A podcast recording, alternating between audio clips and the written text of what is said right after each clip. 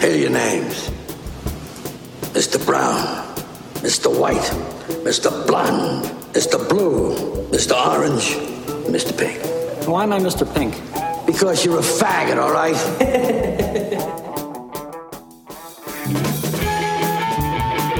Benvinguts i benvingudes al Reservo i Llocs, episodi 54.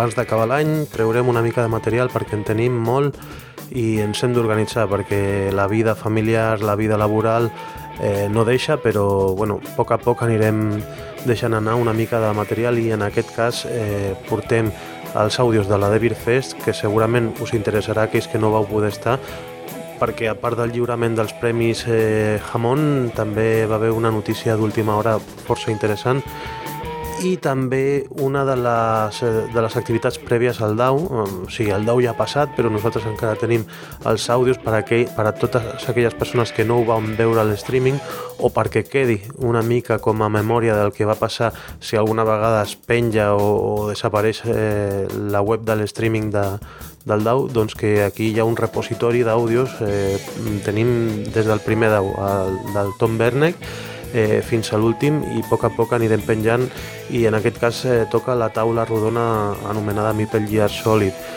Eh, soc Miquel Jornet, us parlo des d'un raconet de Gavà i ja sabeu que les vies de contacte d'aquest podcast són info arroba reservoirjocs.cat i també estem a Facebook i a Twitter, ens busqueu com a Reservoirjocs i intentarem respondre si teniu algun dubte, algun suggeriment, alguna queixa o el que sigui.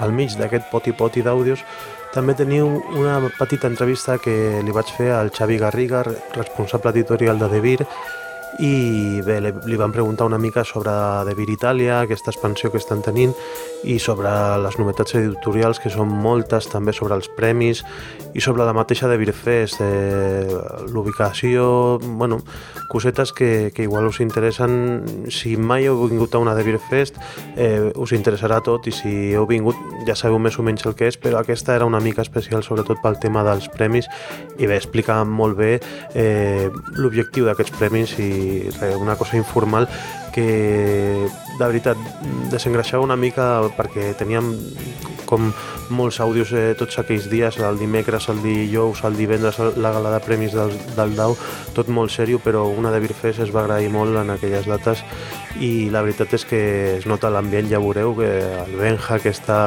en su salsa i, i res, eh, i després tenim la xerrada de Meeple Gear Solid que justament era abans de la de Birfest ho he canviat més que res perquè jo ja estic perdent una mica la fe en, en el format de les taules rodones perquè moltes vegades es fan feixugues i sobretot aquesta que, que sense la intenció d'encarar el videojoc amb el joc de taula al final va, sí que va ser com un versus així eh, i no avançava, era una mica eh, feixuga ja dic, però bé eh, no sé si si era perquè hi havia massa ponents o el que sigui, però eh, ja dic que estic perdent una mica la fe en el format de la, de la taula rodona amb massa ponents i a lo millor ja trobo a faltar més diàleg eh, one on one, un, un a un, eh, i també intentar que, que no sigui un versus, sinó que sigui més això, un diàleg eh, per sumar més que per eh, restar o, per, o que no hi hagi almenys aquest encarament no? i bueno,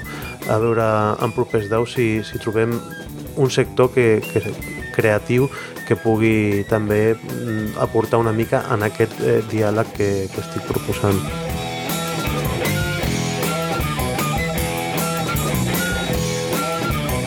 Espero que tingueu una molt bona sortida d'any i també una molt bona entrada d'any Vigileu amb el cava, no us propasseu i ens veiem al 2016. Us deixo ja amb aquest Reservos Jocs, episodi 54. El 99% dels jocs dels que parlem al podcast els podeu trobar a les botigues patrocinadores del Reservoir Jocs, Jugar per jugar a l'Avinguda Gaudí número 39 de Barcelona i Zigurat Jocs, al carrer Marconi número 2 de Castelldefels.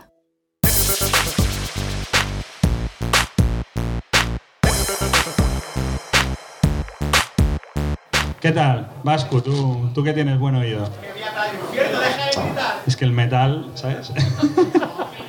bueno, muy bienvenidos a la de Beer Fest. Eh, estamos todos muy contentos de ver a tanta gente aquí, tantas caras sonrientes. Ah, antes que nada, agradeceros sobre todo a todos venir porque, bueno, todos sabemos que es una semana complicada en la que nos gustaría estar en mil sitios a la vez, como alguien acuñado por aquí, es la gran semana del juego de mesa aquí en Barcelona. Este fin de semana pasado fueron las Ayudar Jugando, que fueron una pasada. Eh, hoy es, es, la de Beer Fest. Y el fin de semana es el DAO. Han empezado ya las actividades previas, Mipel Gear Solid y cosillas. Así que bueno, es una semana que nos molaría tener un montón de clones y poder vivir todas las experiencias a la vez. Es complicado.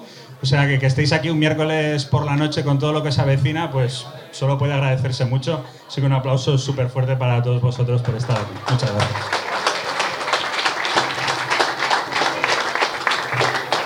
Y bueno, sin comerlo ni beberlo, os encontráis en una gala de premios. los premios, bueno, que van a ser el premio más importante del mundo mundial de los juegos de mesa, sin ningún tipo de duda. Por eso tiene un, nombre tan molón como los premios Un Jamón. Vamos a dar hoy dos premios Un Jamón, los primeros premios Un Jamón de la historia, como bien sabéis. Eh, y bueno, ¿para qué son los jamones? Bueno, más que nada, sobre todo, primero para comérselos pero luego un jamón en Navidad también se le regala al coleguilla, ¿no? Que te ha estado ayudando durante el año, al amiguete. Oye, ¿te acuerdas del jamón de Navidad? Sí, sí, apúntamelo, ¿eh? Pues bueno, pues eso es lo que venimos a dar un poco hoy. No, hombre, a ver. Hay muchos juegos y hoy toca dar un premio al mejor juego de 2015, no de Viriano, que esto yo creo que es una propuesta súper chula. No tengo ni idea de cuál es el premio que ha ganado, bueno, el juego que ha ganado este premio. Ha sido una decisión confidencial entre los altos mandos de Bebir. Se han encerrado en una sala, nadie sabe nada, pero lo descubriremos ahora. Yo creo que es una tarea muy difícil premiar el mejor juego de este año no editado por Debir. Ahora sabremos el resultado. Así que que suba aquí al super escenario, súper grande, Xavi Garriga, el resultado. Bueno, pues nada, ya he subido. Sí, el concepto de, Yo también grito tanto, no. El concepto de juego no, de, no es eso, el juego que nosotros creemos que es un juego muy guapo, pero que no hemos editado nosotros, que nos hubiera gustado editar y que nos lo hemos encontrado todo el año en, en, las tiendas, lo hemos jugado y que, pues eso, que nos hubiera gustado editar, pero creemos que aunque no lo hemos editado nosotros, es un gran juego. Creemos que es una... Intentaremos que sea una tradición, hacerlo cada año.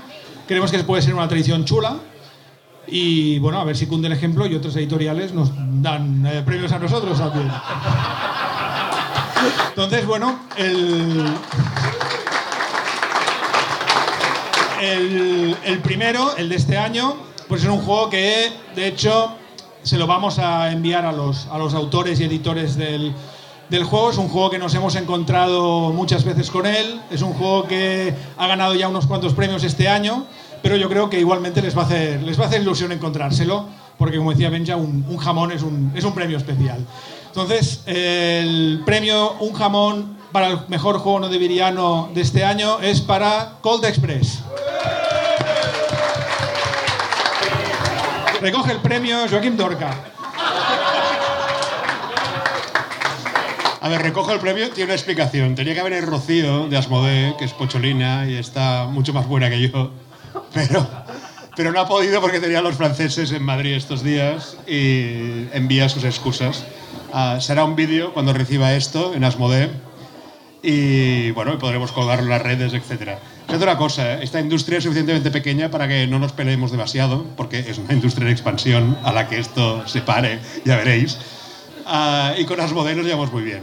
Entonces, francamente, como siempre ganamos nosotros, una vez que gana un juego de ellos, pues valía la pena dar. Bueno, y ahora lo importante. ¿Cuál es el mejor juego de Viriano mm, de la historia de este año? Esto es complicado, pero no sabíamos cómo hacerlo, porque no molaba que el Xavi y yo nos volviéramos a sentar y decir, bueno, el que nos mola más es este. No valía. Y hemos hecho esta votación en la web. Uh, yo no sé el resultado. ¿Está por aquí el resultado o no? Podemos repasar los juegos que, han, que podían ganar. Venga, no, porque igual se os ha perdido alguno. ¿eh? Había una lista en la web, que espero que nadie haya troleado, con, con, todos los juegos clasificados. Vamos a hacer aquí un momento la numeración. A ver. Alquimistas. Podéis chillar si os emociona mucho el juego.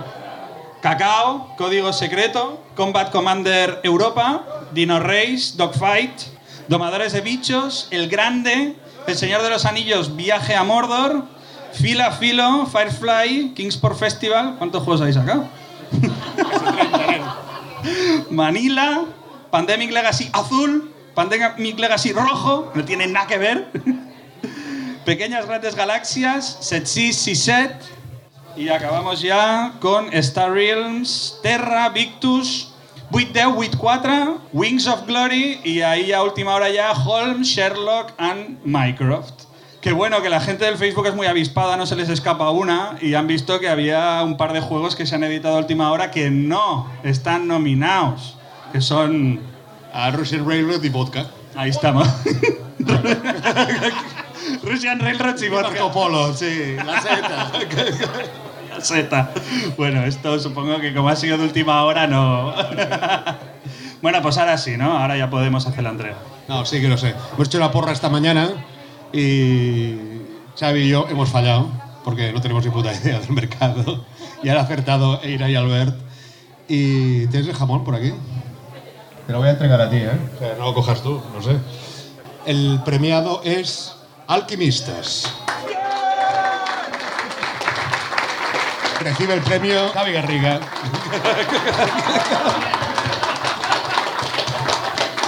Muchas gracias, no me lo esperaba. Bueno, pues se lo mandaremos a la gente de CGE y, y creo que para ellos va a ser algo bastante alucinante recibir un jabón de España que ni siquiera se come. Pero hace poco que les conocemos, yo creo que va a ser algo que, que ayudará mucho a nuestra relación. En fin, muchas gracias y no hemos acabado. Hemos acabado con los premios, pero creo que hay una sorpresita de última hora, así que le devuelvo la palabra al- a nuestro maestro de ceremonias para que introduzca el tema. Como toda gala de premios, no podía acabar de forma normal, sino que bueno, toca hacer una sorpresa, ¿no? La sorpresa es un tercer premio, un jamón, por petición popular, a todos aquellos vegetarianos, macrobióticos y crudívoros de nivel 3. ¡Jamón de tofu! No. Tenemos aquí a aplaudir muy fuertemente a su santidad, el Papa Alejo y su séquito, por favor.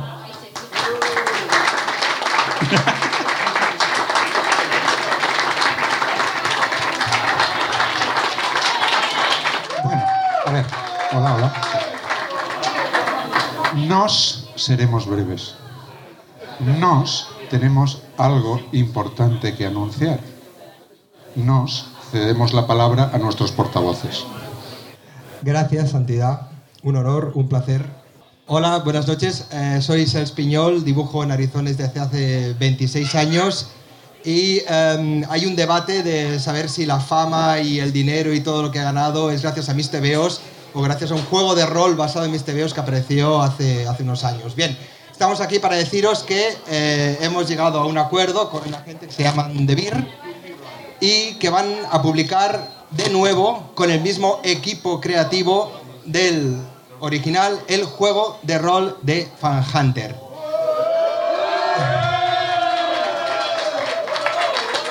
Y para demostrar por qué ya desde ya estamos nominados al premio Jamón del año que viene, eh, está Chema Pamundi, que es el alma mater de este juego. Gracias.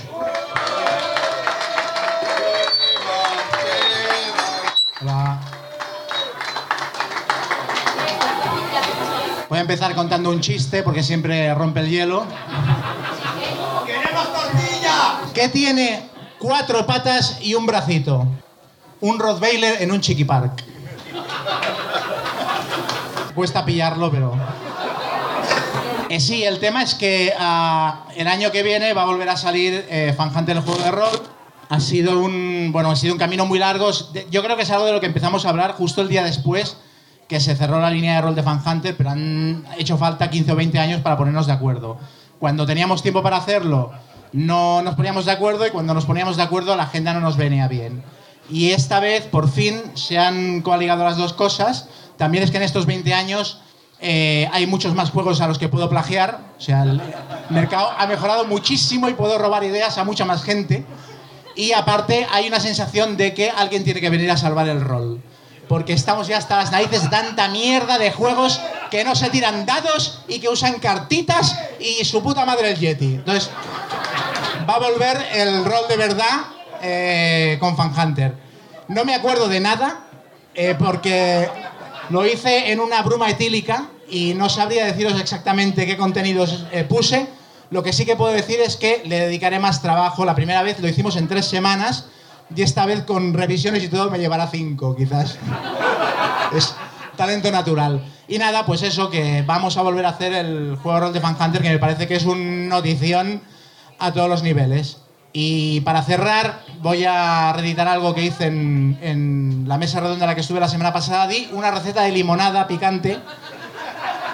Pero lo que la gente no sabe, lo que poca gente sabe es que tengo dos recetas de limonada picante. Tengo la, limonada Hiroshima, que se hace con, eh, materiales japoneses, y luego tengo la alamo gordo. Y la receta del alamo gordo es, se exprimen seis limones, se añaden dos pomelos rojos, eh, seis cucharadas de azúcar, un litro de agua más o menos, y luego en, te- en teoría se tendría que añadir chile habanero, pero chile habanero es muy difícil de encontrar, no tienen ni en La Habana, creo yo. Entonces, en el corte inglés venden unos chiles tricolor que son buenísimos y salen muy baratos. Pues se mete se añade un chile picadito, se pica todo, se le añade hielo y se pone en la nevera. Y esto es todo lo que tengo que decir.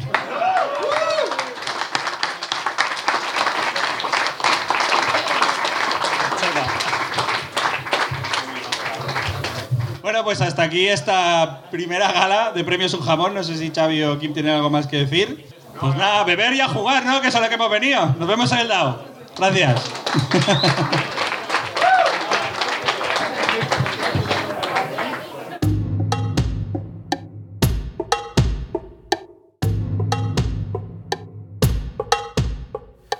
Estem a la Devir Fest amb el Xavi Garriga, eh, que és eh, responsable editorial de, de Devir, i també des de fa tres dies membre honorífic de l'associació Ayudar Jugando juntament amb, eh, amb el Xema Pamundi. Felicitats, Xavi. Moltíssimes gràcies. Uh, ho he dit ja diverses vegades, però em fa moltíssima il·lusió. I no m'ho esperava i, i em va fer molt, molt, molt content. Em va, va ser una pena no poder anar, però tenia motius personals i, i estic molt... Encara, encara estic emocionat. Parlem de la Devir Fest, perquè anem d'un irlandès a un altre irlandès. Fins i tot vau fer eh, una demanda de propostes via Facebook, però eh, anem d'irlandès a irlandès. Què teniu amb els irlandesos? No, és una mica... La veritat és que el primer que fèiem servir es, potser se'ns va quedar petit. Buscàvem un lloc amb unes característiques semblants, un lloc així senzill, on la gent pogués entrar, seure. De fet, tu que has estat molts cops a la Devir Fest, veuràs que el concepte és molt, molt light. És a dir, volem que la gent vingui, es prengui una cervesa amb nosaltres, parli amb nosaltres i si volen provar algun joc que el provin. I creiem que un local d'aquestes característiques és, és el més adequat, el més adient. I aquest vincle amb Irlanda potser és més fort amb Itàlia, perquè hi ha una certa connexió eh, amb el Nepitelo i el Magui, que sou molt col·legues i tal, i ara eh, tenim De Vir Itàlia. Com ha sorgit això i què s'ha d'esperar de De Vir Itàlia? Bé, obrir de Vir Itàlia ha sigut una decisió bastant meditada, portàvem molts anys donant-li la volta. Nosaltres, com a distribuïdors paneuropeus de Màgic, tenim dret a distribuir Màgic per tota Europa. Llavors, clar, evidentment ens centrem en els mercats que ens són més propers, com ara el portuguès i l'espanyol, però mm, l'italià era un mercat que, que et donava bastantes possibilitats i per això ens hi hem decidit. Ara, un cop estem allà per vendre cartes de màgica en un principi, evidentment començarem a ampliar la nostra base, de, el nostre catàleg de jocs, que és el que, el que se'ns dona molt bé darrerament. He parlat del Nepitelo i el Magui. Com va el projecte del, del lloc de Barcelona? Ara ja està en fase gràfica. Ells ja han acabat la seva part i ara el Jordi Roca i el David Parcerisses estan treballant en la, en la vessant gràfica.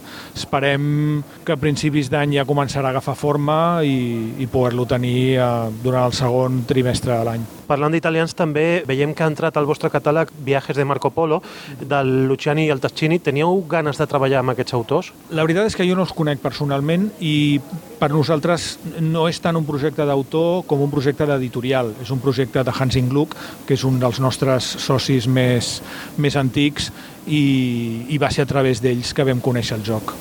Una altra novetat editorial que heu portat aquí és el Código Secreto del Blada. Eh, a mi m'agradaria preguntar-te si aquesta novetat és eh, fruit d'un acord actual amb CGE o veu d'una una mica per acords antics que tenia Homoludicus amb aquesta editorial? Una mica de les dues coses, de fet. Clar, a través de Ludicus vam heretar el contacte amb CGE, que nosaltres no teníem, però un cop ja el vam, ja el vam fer, Codi, uh, Codenames, Código Secreto, ha sigut una decisió purament nostra. Ja, ja va ser un joc presentat a nosaltres, igual que Alquimistes, de fet, ja va ser un joc que ja se'ns va presentar a nosaltres mm, un cop ja havíem fet l'operació d'Homoludicus. I si continuem revisant una mica eh, l'herència d'Homoludicus, hem vist que la família Tiny Epic està continuant, no? Eh, vau començar amb Pequeños Grandes Reinos, ara heu comercialitzat Pequeñas Grandes Galàxies. Eh, està funcionant bé aquesta, aquesta sèrie de jocs de l'Scott Alms i també eh, podrem veure Pequeño Gran Oeste? De fet, està funcionant molt millor Pequeñas Grandes Galàxies que Pequeños Grandes Reinos. A part de que jo personalment crec que és millor joc, mm, potser també la sèrie està una mica més assentada, la gent la coneix més, li té menys por. A part, és, un, és que és un format que és tan econòmic que, que és, un, és un esforç molt petit no, fer-se.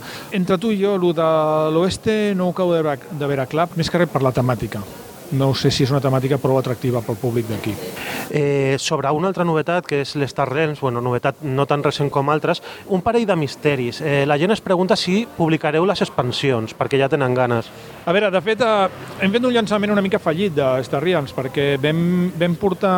El problema és que el joc es va retrasar molt. Eh, llavors, com es va retrasar molt, sabíem que el joc arribaria molt tard Uh, llavors el que vam fer va ser portar una petita quantitat per avió, vas que els costos són molt elevats, per poder fer les presentacions del joc. Les vam fer, van resultar fantàsticament i el joc ara està exaurit perquè encara no ha arribat la, la segona part, que està a punt d'arribar, que és el que, el que és el, la quantitat realment important de l'edició de del joc. I amb aquesta edició, amb aquest carregament, ja venen les cartes uh, promocionals que amb això podem començar a fer una mica de joc organitzat i lligues i tal, que és una cosa que ens està demanant.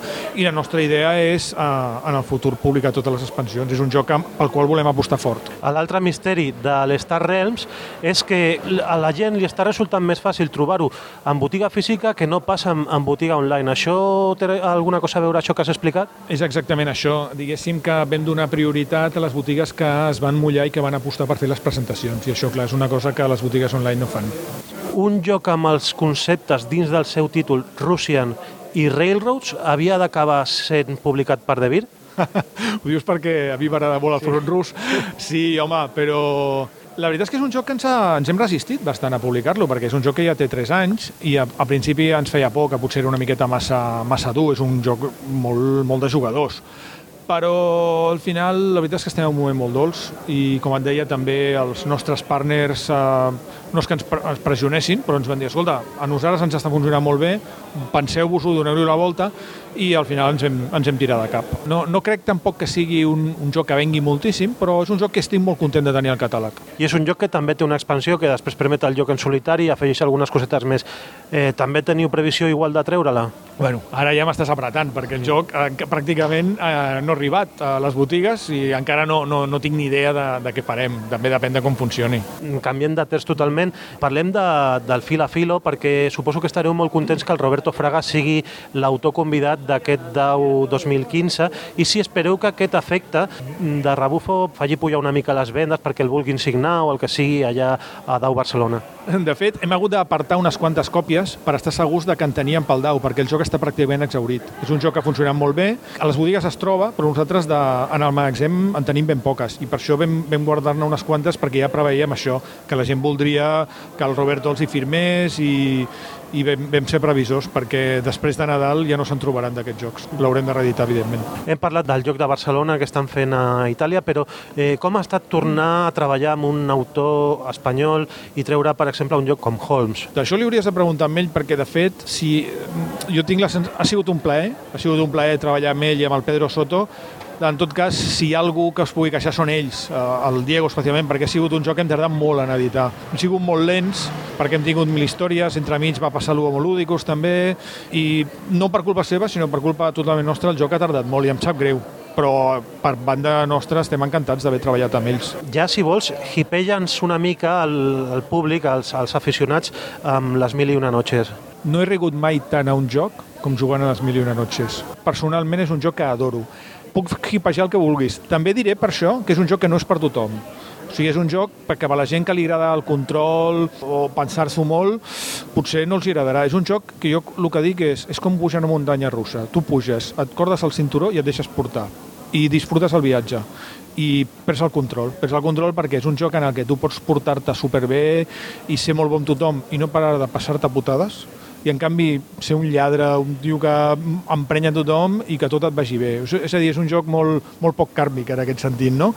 Però ja et dic, un cop entres en el joc disfrutes moltíssim. Sobretot disfrutes perquè en aquests jocs a vegades hi ha molt efecte de que els torns tarden molt i t'avorreixes, però és que en aquest joc dona igual que estiguis jugant tu o el del costat. És que mentre jugues al del costat vibres igual perquè et mors de riure de les coses que li passen al del costat. És un joc molt divertit. Esteu fent cosetes boies, seguiu amb les de Beerfest, però també al canal de Beer TV hem de parlar com està funcionant la iniciativa, us trobeu còmodes ja amb, amb el personal que teniu, què tal, què tal va? Això va començar amb el tema dels tutorials. Vam fer un càsting per fer els tutorials perquè creiem que era una cosa important, fer tutorials a tots els nostres jocs, buscàvem gent que sapigués explicar jocs, gent que, ho fes bé, creiem que els hem trobat, i en el càsting vam anar a patar amb el, Ben- amb el Benja i vam dir, hòstia, aquest tio potser per fer, les, per fer els tutorials hem trobat gent millor, però per fer qualsevol altra cosa que vulguem és com ideal. I a partir d'aquí no hi ha una estructura molt clara, però cada mes ens acudeixen un parell de bogeries i les fem. A mi em dèieu, dona-li temps, dona-li temps, que ja veuràs, sí, i m'està convencent, eh, la veritat. Sí, ara sí? sí? Estàs més convençut ja? Des de que ens has vist amb, els, amb les disfresses fent l'índio i tot això? Sí, sí. I després el, el tema de, dels premis eh, Un Jamón, eh, com una empresa que abandera una mica la catalanitat eh, està donant uns premis així una mica canyís com uns, com uns pernils. Home, crec que és una broma en si mateix, no? Crec que és un, és un acudit, no? Quin, quin millor premi pots donar que, que un jamón? A més a més, com he dit abans, clar, el, els hi enviarem als xecs. Els xecs no entendran una merda, no entendran res, però és que si els hi enviem una botifarra encara fliparien més. Jo crec que un pernil dintre de tot doncs, és algo que poden mig entendre la broma. Mm, ja et dic, potser d'aquí 10 anys, quan, quan hi hagin pernils repartits per tota Europa o per tot el món, la gent començarà a entendre una mica. Ara mateix m'imagino que costarà. Tinc pensat punxar l'àudio de, la, de la gala de lliurament de premis del, de l'Unjamón, dels primers Unjamón, però bueno, explica una mica la iniciativa per, perquè després la gent ja sí que ho escoltarà sencer. Hi ha dos premis, bàsicament. Un, eh, volíem donar un premi, eh, volíem que la gent donés un premi a quin era el que creia que era el millor joc que havíem publicat durant l'any. Per això vam obrir internet, vam obrir la nostra pàgina web i durant dos mesos la gent ha votat i, i hi ha hagut un, un guanyador molt clar, que no sé si l'he de dir ara per no... Sí, que ha sigut Alquimistes, que clarament ha doblat el número de vots en el, en el segon joc i ha sigut xulo perquè nosaltres tenim les nostres pròpies opinions però teníem interès en saber el que pensava la gent.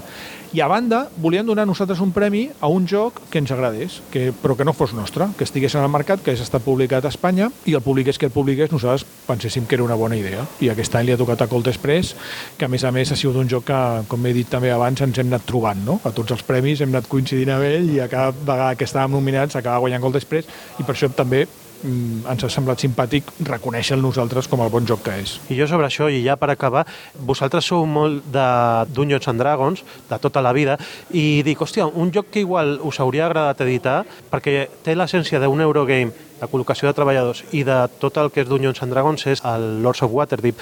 Això us heu plantejat alguna vegada o està impossible? És molt complicat. Uh, Wizards of the Coast té una, una política bastant restrictiva en el, a l'hora de donar llicències i en llicències de jocs de rol, ja ho hem parlat altres vegades, no està donant llicències de Dungeons and Dragons, però no en castellà, sinó en cap, en cap dels idiomes.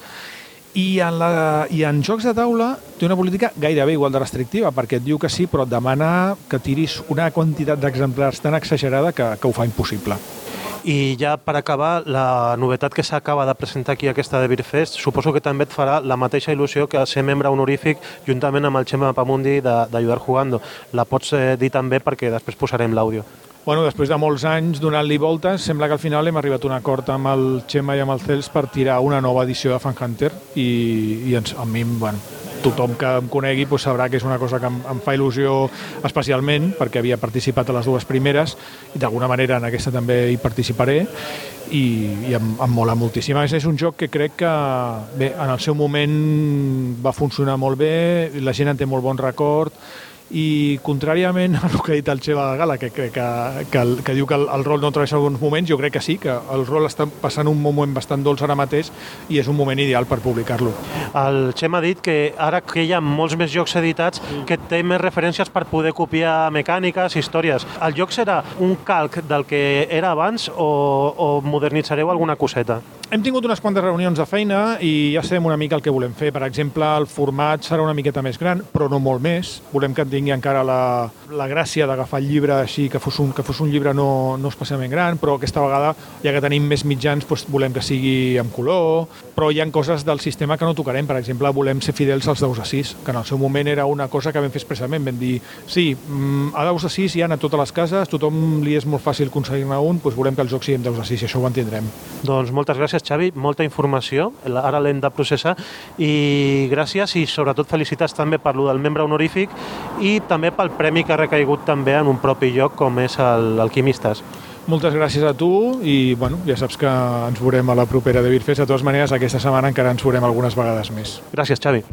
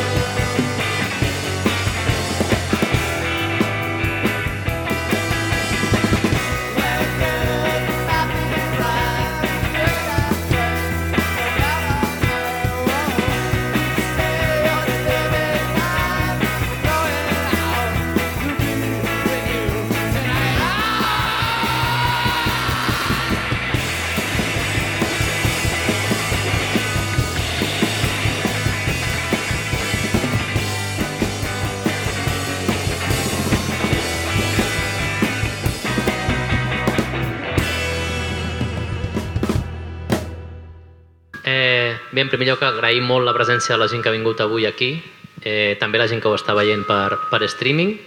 Recordar a la gent de streaming que en el seu moment intentarem obrir una mica de torn de preguntes online i que hi ha un hashtag que és eh, DAO15, qui vulgui fer una pregunta, eh, la pot fer amb aquest hashtag eh, de manera educada, si us plau, i evitarem el flaming i evitarem els fanboys també dels dos sectors, eh? és a dir, que no cal que poseu uh, Call of Duty mola, tal, no, no cal, eh? preguntes a, a poder ser eh, concretes. Bé, doncs una mica la, la idea d'aquest- d'aquesta taula rodona, d'aquesta espècie de debat o eh, bueno, dif diferents punts de vista que, que veurem avui, parteix la idea de eh, contrastar o com eh, relacionar, millor, millor dit, com la creació de jocs, que és una qüestió central en el DAO, tradicionalment, com hem vist, el, el joc analògic, és a dir, el joc de taula, el joc de cartes, joc de rol, mm, bàsicament, com a grans, grans representants, troba eh, al seu costat un germà, un germà que tots sabem que és un germà que, és, que està molt present avui a dia a l'oci eh, a l'oci de la joventut, però, i potser de no, tant, de, de no tanta joventut, com és el videojoc. No? A partir d'aquí ens vam plantejar si era pertinent, si era possiblement interessant, i creiem que així ho és, contrastar eh, la qüestió de l'autoria, la qüestió de la creació, la qüestió del disseny de jocs, de jocs tradicionals i jocs analògics i el joc modern, en relació a al videojoc. No? Videojoc també tradicional, que tenim videojoc, un videojoc tradicional, i videojoc contemporani i videojoc en totes les seves formes. mm?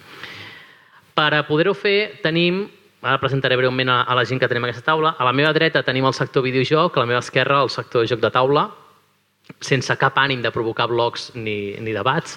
Uh, a la meva dreta, començant per l'extrem, tenim l'Oriol Boira, que és eh, dissenyador de videojocs, eh, ha fet molts videojocs del Club Super 3 i ens, té moltíssima experiència, crec que, és, que ens pot aportar en aquest sentit una, una visió molt interessant.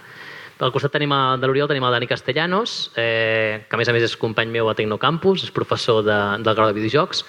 És dissenyador a Crowd of Monsters i l'últim joc, que possiblement molts el coneixereu, que és Blues and Bullets. És una aventura, una, una, una aventura d'acció en blanc i negre, Elliot Ness, un joc molt recomanable, molt interessant i que té un punt narratiu molt potent, crec que per aquí també poden una mica els trets. Leila Gejo, Gejo, Gejo, Leila Gejo, que és eh, cua de Social Point, una de les empreses catalanes més importants de, de, de videojocs, eh, ve aquí en qualitat d'usuària. Jo crec que ens pot donar una aportació molt interessant pel que fa a la qüestió de cua i la qüestió de testing, que és un element central de tot el disseny, però també del seu punt de vista d'usuari, és a dir, ella ve a parlar més des del punt de vista de com consumim els jocs, com creiem que s'han de dissenyar els jocs des de l'experiència del consum. Mm? Bé, i per la meva esquerra, Toni Serres Enferm, conegut eh, per al joc de Victus, entre altres jocs, però últimament pel joc de Victus, una, una persona amb moltíssima experiència també al joc de taula, Pac Gallego, conegut també per Guerra de Mitos, conegut per l'editorial, i ara també, i per això també és interessant, eh, planteja, proposa un joc de cartes eh, en format digital, que tindrem l'honor de eh, veure'l al DAU, de fet es presentarà al DAU aquest dissabte, i que pot tenir aquest contrapunt també d'una persona que treballa en el, que ha treballat en el sector del joc analògic però que també està entrant en el món digital no? i fins a quin punt podem trobar connexions. Finalment, Vanessa, eh, ella també ve en qualitat d'usuària, en aquest cas l'hem posat més a la part de, de joc de taula i a més a més eh, treballa com a cap de traducció a Games Workshop i per tant també pot aportar aquest altre element que és la qüestió del, de la textualitat, la qüestió del, idiomàtica en el disseny de jocs, no? que també és un element molt important. Finalment, allà a la cantonada eh, tant el tenim castigat, eh, el Roger Seró, periodista de generació digital, eh, conegut per, per crec, bastanta gent. Eh, el Roger el que ens farà és una, em farà de relator i el que farà és una síntesi del de, eh, que passa aquí, confrontarà els punts de vista, fa, pot fer un 1 per 1, suggerència interessant, si vols pots fer l'1 per 1. Coneixeu tot l'1 per 1, no? 1 per 1 a futbol. Bé, doncs pot fer un 1 per 1 sobre, sobre el- els membres de la taula. Bé, dit això, eh, m'agradaria començar amb algunes idees per veure, um, per caldejar una mica l'ambient, no? M'agradaria començar per la gent del videojoc, uh, com a nova, no, no, nou espai artístic uh, contemporani. Com veieu vosaltres eh, la qüestió del disseny en videojocs i, sobretot, què creieu vosaltres que el videojoc fa particularment bé com a mitjà propi i que potser no fa tan bé el joc de taula? Hola. Dos preguntes. La primera és què s'està fent bé quan a, quan a disseny de videojocs? És aquesta, no? I la segona és que particularment o concretament qui- quina era la segona? La segona és més aviat, és a dir, què s'està fent bé? D'acord, interessant.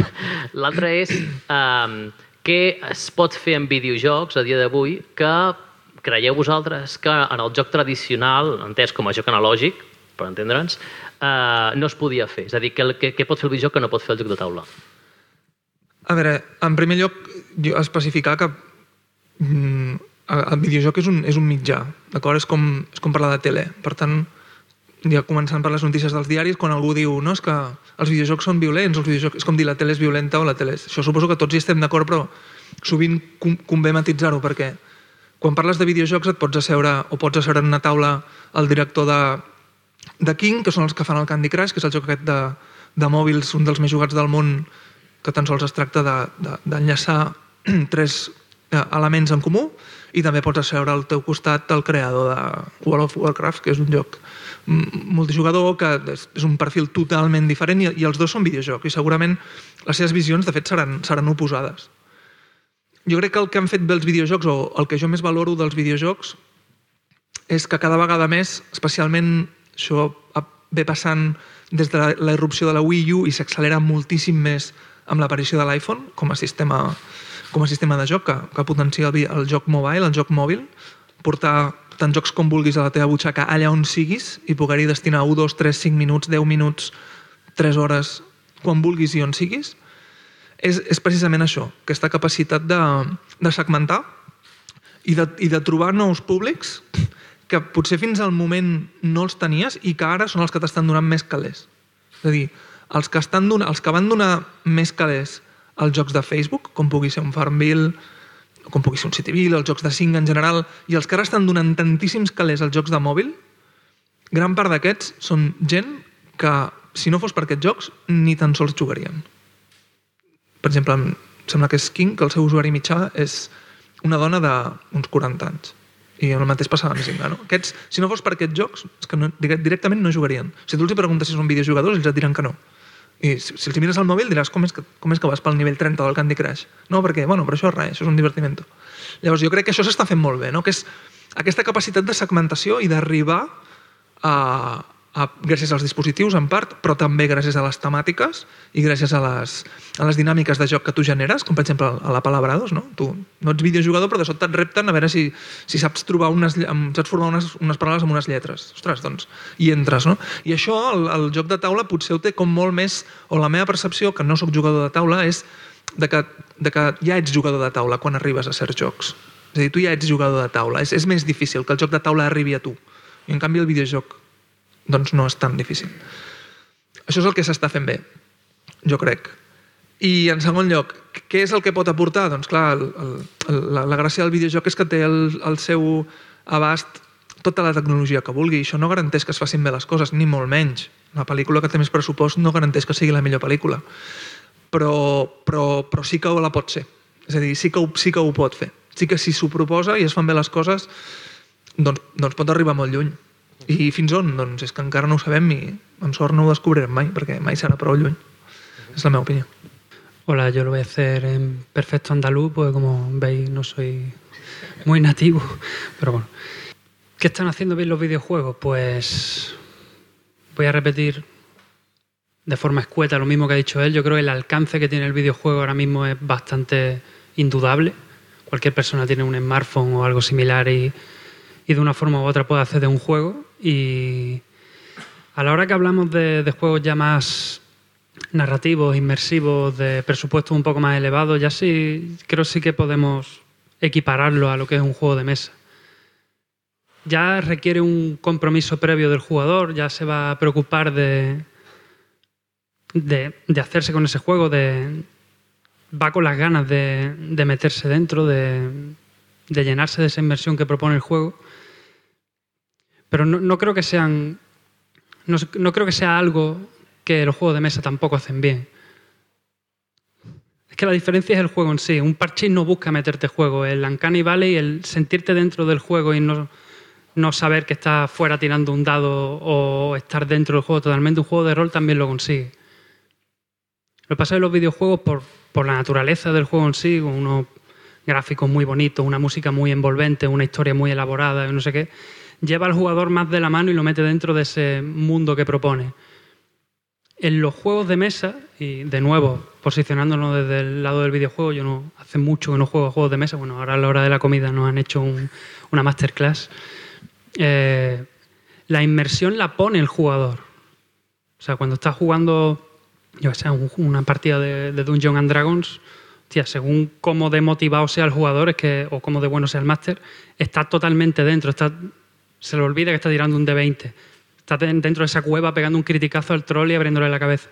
En cambio, en un, jue- en un videojuego directamente es que casi que te obliga a estar ya dentro de, ese entorno del juego, de esa situación que te propone. Entonces, ¿qué están haciendo bien los videojuegos que, no estén haciendo los juegos de mesa? No te sé decir, yo creo que, el- las cosas buenas las tienen los dos por igual. Eh, la facilidad a la hora de conseguirlo, pues dependerà del jugador i del acercamiento que tenga cada uno de los juegos que se le proponga. Heu apuntat una cosa que em sembla curiosa, que és... Eh, ara, clar, em, fa, em, em poso d'advocat del diable, evidentment, però l'única gran aportació que fa el videojoc és, en primer lloc, la mobilitat, és a dir, arribar a més mercat, i eh, l'única gran aportació que fa el videojoc és el fet de que jo pugui entrar en un món predissenyat, mentre que el que heu apuntat com a diferència és que eh, un joc de taula pot ser, per exemple, un millor joc, però la diferència amb el videojoc és que no arriba tan mercat, i un joc de taula pot fer que tu creïs el teu imaginari i no et veus obligat a entrar en un altre imaginari. És a dir, l'única gran aportació que ha fet el videojoc ha estat arribar al mòbil i forçar-nos a entrar a mons preconfigurats? És a dir, no creieu que en certa manera des d'un punt de vista de disseny, des d'aquest plantejament, el videojoc no ha suposat una certa perversió, una certa destrucció del disseny del joc?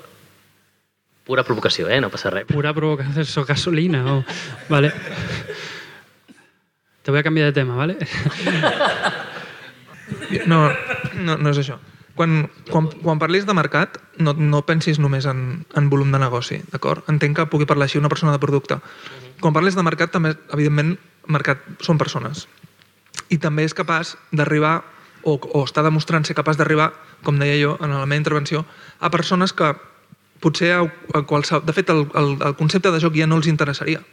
Però eh, el videojoc està sent capaç d'arribar amb, amb, amb les innovacions que està portant i amb la facilitat de testeig també, perquè avui dia tu pots fer un joc de mòbil molt... De fet, és com es treballa en moltes ocasions. Fas un joc de mòbil bastant bàsic, el poses en explotació, si funciona el millores, i si no, següent i en fas un altre. Això seria un, un cas de, de, de, de paradigma d'innovació, no? És a dir, fem 10 jocs de 10 tipologies diferents, els posem en explotació i els que tinguin més, el que tingui més rèdit, doncs aquest, aquest el millorem i els altres els abandonem. Per tant, tu ets capaç d'arribar, ets capaç de generar mecàniques, de, de crear mecàniques que generin dinàmiques que atreguin i que connectin amb, amb persones més diferents. Que, de fet, potser, jo no estic dient que si aquestes persones un bon dia es posessin a jugar en un joc de taula, doncs no hi entrarien, perquè, escolta, tots els avis juguen a parxís i tots els avis juguen a dòmino, i són jocs tradicionals. Però, però, però potser aquests jocs mai arribaran amb ells. I després també és veritat una altra cosa, i això no és exclusiu dels videojocs, és exclusiu de l'audiovisual. En els éssers humans l'audio- l'audiovisual ens atonta, ens, ens atrau. Ens, tu passes per una sala i una pantalla, encara que no sigui interactiva, i, i, i te la mires. I això doncs, és, és potent, és potent perquè tu necessites captar, com a mínim en un videojoc, necessites captar l'atenció del, del jugador i portar-lo cap allà on vulguis.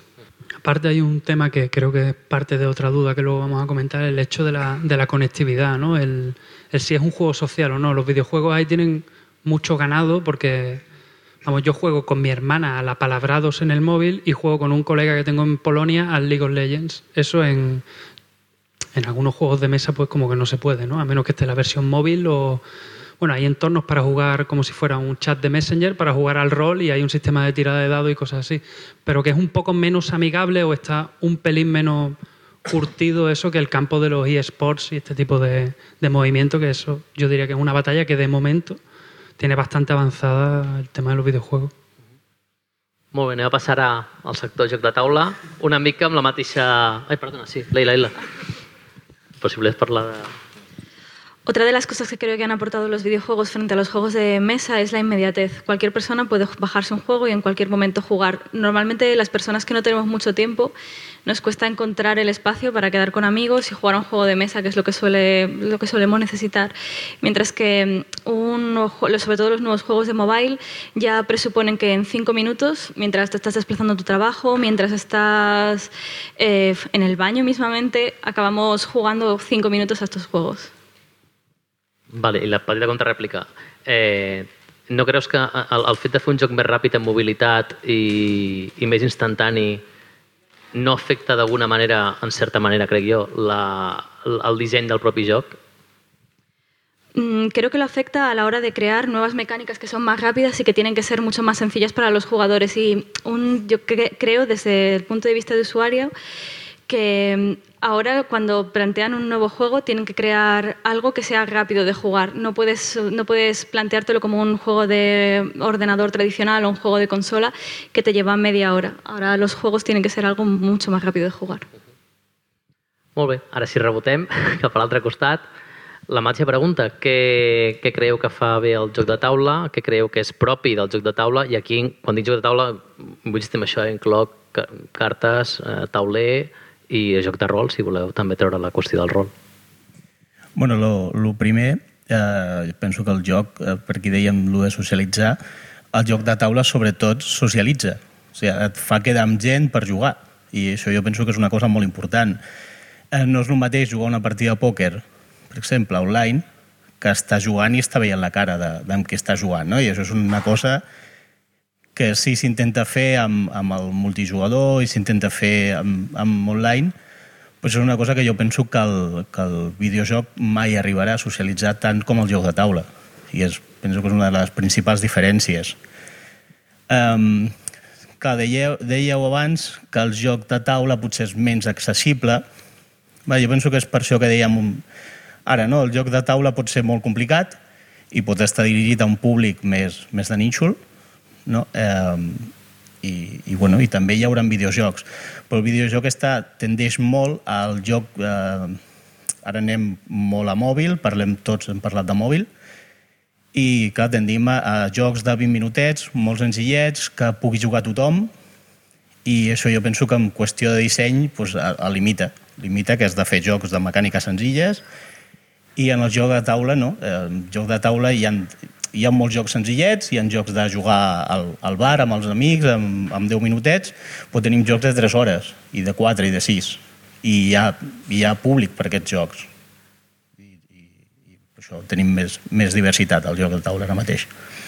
Mm, poqueta cosa més eh, el comentava el, el Pac eh, la, la diversitat jo per mi que és, és un, una, un aspecte que amb el meu escàs coneixement del, del mercat de, de, dels productes de videojocs però sí que tinc la percepció de que en, dintre del que és el joc de taula modern hi ha molta més diversitat de, de, de jocs, d'opcions, i diversitat en dos aspectes. Mm, tant en, en experiències com en,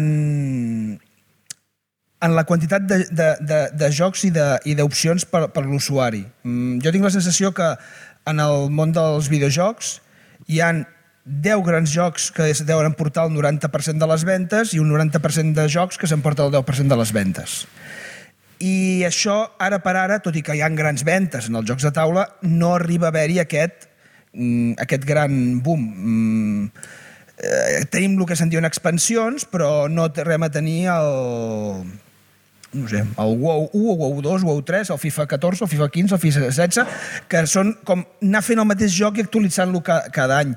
Aquí tenim expansions que el que fan és que amplien el joc i no el van, van repetint. I això dona molta més diversitat i ens ajuda a aprendre, a evolucionar i a, i anar buscant noves, noves vessants en, a, en, en els jocs. No? Llavors, eh, també el tema de, de l'esforç. Eh, hem dit que en el món dels videojocs la cosa va molt més ràpida. Sí, és veritat, pots agafar qualsevol joc, descarregar-te'l, i ja que tal com l'obres, ja vas aprenent a jugar. Però en els jocs de taula no, en els jocs de taula has de fer un esforç previ. Has de fer l'esforç de llegir-te les regles, segurament d'explicar-les a algú altre i després jugar. I normalment tot el que et requereix un esforç ho acabes valorant més. I jo crec que aquest també és una, un aspecte de la valoració del joc, que és, que és el, el fet de el que t'ha costat aprendre a, a jugar en el joc.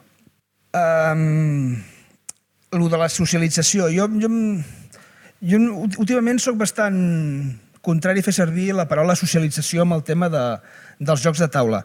M'agrada més el concepte comunitat, perquè tampoc sóc un expert ni si un sóc un sociòleg com per poder definir què és una cosa social. Però, en canvi, el que sí que per mi és un joc és un acte comunitari que fas amb, a, amb els teus amics, amb els coneguts, amb la família, amb qui sigui, i l'acte aquest comunitari provoca i crea experiències que es repetiran posteriorment en el temps, que repetiràs perquè recordaràs, perquè reviuràs amb les persones. Uh, jo recordo de l'època en què vaig jugar a la Palabrados, la part que més m'agradava era quan quedàvem el dissabte per dinar amb la família i llavors, quan em veia amb les meves cunyades, parlàvem de les partides que havíem jugat durant la setmana. Durant la setmana jugàvem a la Palabrados, molt bé, però jo quan disfrutava era quan quedàvem en persona i comentàvem el, la partida i quan tu em vas tirar aquesta paraula, ai, vas tirar l'altra. Aquesta part de compartir, de, de tenir en comunitat una, una part que pots estar jugant amb algú que viu a Sebastopol, però potser no el veuràs mai a la vida. I eh, llavors un altre, un altre aspecte que, que trobo molt interessant que, que han comentat els meus companys dels videojocs, que, és el, el, que és el tema de eh, faig un joc, el penjo i si funciona ja el continuo desenvolupant. Això és impensable en un joc de taula. Aquí no tens segones oportunitats. Quan el fas, ha de funcionar. No pots esperar que si hi ha ventes, si no hi ha ventes, ja aniré ficant parxes que moltes vegades ni l'usuari s'entera de que s'estan fent parxes en el joc que està fent servir. Uh, a nivell de creador, fer un joc de taula t'exigeix molt més. T'exigeix que no hi hagin fissures, t'exigeix que el joc funcioni, estigui equilibrat i sigui divertit. Tot això ho has de treballar abans. No pots esperar-te a la reacció del públic. T'has d'esperar només al judici del públic. Jo hi ha un tema que s'ha comentat abans una mica, però que no s'ha tornat a tocar, que és el tema de la imaginació i la creativitat. Jo crec que el joc de taula, i en especial dintre del món del joc de taula, els jocs de rol, que comentava una mica per allà, sí que precisament eh, la immersió és molt gran. El videojoc de vegades t'ho provoca perquè, com dèieu, la part audiovisual et fica allà dins i és, és jo què sé, si ara mateix la televisió que tenim allà estigués encesa, tots aniríem donar-li cops d'ull de tant en tant, però quan acaba el videojoc, com a mínim a mi és el que m'ha passat, m'oblido d'això. És a dir, vale, he estat jugant, m'ho he passat molt bé i ja està. En canvi, en els jocs de taula, i com deia, sobretot en els jocs de rol, quan acaba la partida, segueixes dins de la partida. Segueixes pensant, el meu personatge faria que. Ostres, com va passar jo, jo faria jo altre. Li haig de dir a l'altre que fem no sé què, no sé quan.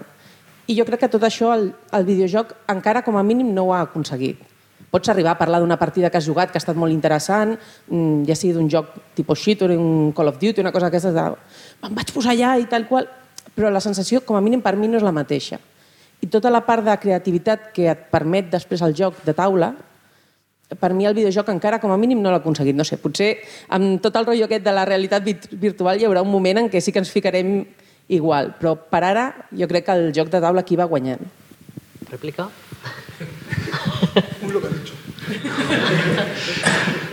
Es que hay juegos y hay juegos. El, por ejemplo, uno muy reciente, no sé quién, ha- quién de aquí habrá jugado Fallout, pero es que según el tipo de juego y la, la trama, el entorno que ofrece, el Fallout se juega como si el jugador soy yo. Entonces, hay un número de mecánicas enorme, hay un montón de situaciones, de narrativas emergentes que surgen, vas dándote una vuelta, es fin del mundo, había una guerra nuclear y está todo hecho una mierda, entonces tú te vas dando una vuelta y te vas encontrando supervivientes de historia, ¿no?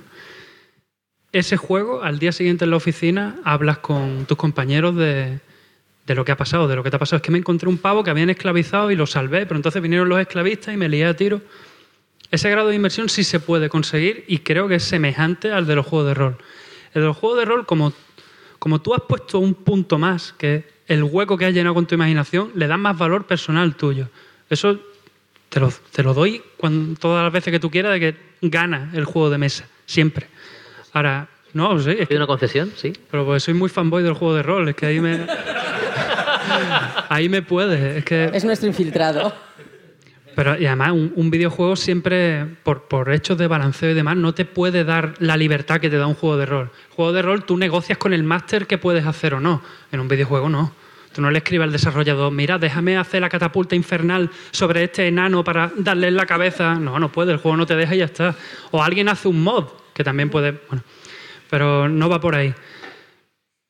Pero hay juegos que no buscan eso. Hostia, en el parchís acaba una partida, es eso, hay juego y juego, hay juegos que no buscan eso. Tú acabas la partida y al día siguiente no estás hablando con el otro. Hay que ver cómo, ¿eh? Cómo hice el puente y no te dejé pasar. Bueno, a lo mejor si eres muy fanboy del parchís, sí, pero no llegas ahí. No sé, creo que la narrativa se puede equiparar, pero el hecho de que el jugador ponga un poco más a nivel personal en un juego de mesa, en este caso, tiene un plus que no puede tener de los videojuegos. Totalmente de acuerdo. Yo, perdona, que yo creo que la diferencia principal está en que tú estás explicando la, tu experiencia de juego tú solo, ¿vale? Y en un juego de mesa que están cinco personas, luego las cinco personas han compartido esa experiencia. O sea, tú en Fallout estás jugando tú solo y nosotros hemos jugado una partida cuatro jugadores a parchís y podemos comentar los cuatro esa partida porque hemos estado los cuatro dentro de la partida. En un World of Warcraft estamos juntos hasta para ir al baño. O sea, hay gente que se lleva el teclado y demás y lo tiene por streaming para desde el baño poder seguir. Ahí han compartido absolutamente todo lo que ha pasado. He visto el capítulo de South Park de... Bueno, la gente lo comparte absolutamente todo en ese tipo de juegos, que de nuevo yo lo he investigado, pero me ha dado miedo meterme ahí, ¿no? Pero eh, ese grado de, de socialización, de comunidad, de grupo, de estamos aquí juntos en esto, algunos juegos lo consiguen, todos no, pero... Pero es una comunidad que se queda en- en- dentro del juego. Bueno, hay gente que se casa luego, ¿eh? que se conoce en World of Warcraft y luego en la vida real se casa. Doy fe, doy fe. Pues por eso que, o sea, a mí me, me suena un poco raro, pero bueno, hay gente que lo hace. Jo, jo només voldria matitzar una... Més que una opinió, és una informació perquè crec que és rellevant que la tinguem tots present i com a mínim jo el primer cop que la vaig saber em vaig quedar... Ara ho tinc molt assumit, però respecte al model de producció que alhora mm, repercuteix en el model de disseny. El primer videojoc que es va poder anar a una botiga i comprar va ser el Pong, l'any 1972. Vale? Uh, des del 72 fins al 2008-2009, des, fins que apareixen els jocs de, els jocs monetitzats per Facebook, per internet, web browser i, i mòbil, um, un videojoc era un producte i el model era aquest. És a dir, tu havies de tenir molt clar que allò generaria diversió perquè allò es tancava, es portava a copiatge, es portava a la botiga i no hi havia marxa enrere. I et veies una mala crítica a la revista de turno, perquè no hi havia, bueno, o a la web de turno, i la gent et deia que no es divertia i tu t'ho menjaves, però amb patates. Quan apareix i es popularitza el, el joc online, el que fins aleshores de fet s'anomenava joc com a producte, Game as Service, li neix la nova disciplina, que de fet és amb la que treballava Social Point, i diria que vosaltres també hi treballeu, que és el, el, del Game as Product al Game as Service, és a dir, el joc com a servei. Com repercuteix aquesta manera de treballar en el disseny? Doncs precisament en el que comentàvem fins ara. I de fet aquesta tendència s'està eh, cada vegada va més. És a dir, l'empresa proposa un disseny, l'empresa rep constantment 24 hores al dia dades de tot el que feu i tot el que fem en el mòbil, de quants ocellets tirem en l'Angry Birds, de quants aconseguim mm, tombar les corts dels porcs, de quantes tropes movem en, el en aquest joc, de quin nivell estem en la Palabrados, ells reben aquestes dades eh, amb l'ajuda de matemàtics i amb l'ajuda de gent de ciències pures des, determinen patrons de comportament i diuen aquest joc ha de, es tornen a reunir amb el dissenyador i diuen aquest joc el, els usuaris l'estan portant cap aquí i per tant aquest joc l'hem de fer evolucionar cap aquí. Això doncs, de moment és impensable en un joc de taula a no ser que es, que, que, que es fessin fires, no sé, cada setmana i estigués allí el dissenyador veient i el anés millorant, iterant, però el disseny iteratiu i que, que quan un joc surt el joc, la, la, la, la producció comença, no s'acaba, eh, això- és, és tendència. Jo no, no m'estic posicionant sobre si és millor o és pitjor, però és tendència en el, en el model de desenvolupament actual de videojocs. Mm, eh, yo también soy jugadora de rol y también le doy bastante valor a todas las historias que me creo yo misma. Y siempre le doy bastante más peso a los juegos de rol que a los juegos de ordenador, tengo que decirlo. Pero mm, sí que es cierto que llegas a empatizar, que llegas a empatizar mucho con algunos juegos de, de ordenador, de manera que a veces incluso en algunas partidas de rol no llegas a hacerlo. Hace poco he terminado el Life is Strange y en este juego al final te ofrecen unas estadísticas de cuántas, cuántas personas han elegido como tú y, cuánta, y cuántos de tus amigos han elegido como tú. Yo creo que esa forma lo que, lo que están haciendo con esto es crear una comunidad y crearte la sensación de que no estás jugando tú solo. A que es un juego que en todo momento lo estás terminando tú solo. Y después tenemos ejemplos en mobile como el Game of War, que la comunidad allí es importantísima. Uno de los grandes logros de este juego es que nada más empezar el juego, tú ya estás dentro de una alianza. Y la alianza es importantísima porque el juego no te da ninguna explicación, así que realmente tú necesitas a toda esa comunidad para aprender a jugar. Y yo creo que los lazos que creas con esa comunidad llegan a ser importantes incluso de amistad. Es cierto que no es lo mismo que sentarte con tus amigos a jugar a un juego de mesa, pero yo no, yo no le quitaría valor a esa sensación de comunidad que te crean los juegos de ordenador, los juegos, los videojuegos. No, estic d'acord amb, amb, amb aquesta última... Es- Estic d'acord amb, amb aquesta última frase, mm, de no treure-li valor, uh, però, però és, un, és una... Potser dues coses. És, és, és una forma de virtualitzar o de transpor, transportar al món virtual un, unes relacions, un, una, un efecte real, i també a la vegada crec que és el reflexe de que els, els, els videojocs han vist que necessitaven incorporar els, el, els fets comunitaris dins dels seus jocs. Eh, crec que un dels grans eh, encerts que va tenir la Wii va ser el fet de ser un element eh, de videojoc, però que feia que haguessis de jugar amb persones amb altres, amb altra gent. I després del, del gran boom dels videojocs, de, devia ser dels anys 80, que en un moment donat d'aquesta trajectòria dels videojocs algú va veure que s'estava perdent la part social, la part comunitària, i s'ha començat a incorporar, i ara és, és això, els videojocs volen incorporar això perquè és el que la societat demana, a l'estar en contacte i no mm, aïllar-te o, o, o jugar en solitari. Yo querría volver un poco sobre lo que decía antes de la inmersión y de qué experiencia perdura en el usuario, tanto en un tipo de juego como otro. Y es que en los juegos de mesa, en la gran mayoría y en los videojuegos solo en unos pocos, la habilidad a la que se apela del jugador es habilidad mental, de pensar, de razonar, de pensar qué haría él. Son cosas mucho más psicológicas, personales y evaluar riesgos y optar por una estrategia y, y tomar una decisión. Hay infinidad de juegos, de videojuegos, que apelan a la habilidad física, a la coordinación ojo-mano. Entonces, no es lo mismo, no celebras igual haber conseguido en una partida de rol ponernos de acuerdo que a los dos nos salga éxito y conseguir realizar una acción después de haber debatido, ¿esta es la mejor estrategia? Sí, acordarlo, ejecutarlo y conseguirlo o fallar miserablemente. Y en videojuegos, no, hacer un headshot y matar a un enemigo y demás, un tío que no le estás viendo la cara, de nuevo el feedback personal, es verdad que el juego de mesa tiene mucho ganado ahí. El tipo de placer que generas en el jugador es muy diferente. Es en plan, hostia, qué bueno soy. He conseguido hacer esto que me he propuesto a nivel físico, pero no, no ha habido un- una gestación de la idea de, hostia, esto es lo que me conviene, voy a intentar esto. No juegan más a reflejo. Por lo menos muchos tipos de videojuegos apelan a un tipo de habilidad que los juegos de mesa suelen ser más pausados, más personales, em, vamos a fuego lento a cocinar la experiencia. Y los despegarse y la mano. Hay de todo. Ahí, també n'existen. Uh, una, una, um, ara volia fer una pregunta posant-me cap al seu costat en relació a vosaltres. Uh, uh, el Toni plantejava la qüestió de, um, de la revalorització del temps, de no parlar de socialització sinó de comunitat, no? i la Vanessa apuntava la qüestió del rol en tant, en tant que participació de jugadors. No? La pregunta és, clar, eh, estem parlant de temps, estem parlant de participació de jugadors en presència física, estem parlant de eh, un setup, eh? agafem un caverna, fem un setup de caverna, què tal? Bé, no? Per posar un exemple. Eh? Eh, estem parlant de trobar un moment en el que eh, tots ens podem reunir en un lloc, en unes condicions determinades, amb una taula de certes proporcions, depèn del joc, amb un número de jugadors que sempre ens encaixi o que ens intenti encaixar entre el joc, que sabem que això, eh, la llei de Murphy diu que mai trobes el número de jugadors, i estem parlant, per tant, Ah, I també estem parlant d'una altra cosa molt important, com és la curva d'aprenentatge als manuals, no? Llegir el manual, que algú sàpiga de què va el joc, explicar el joc i començar a jugar, no?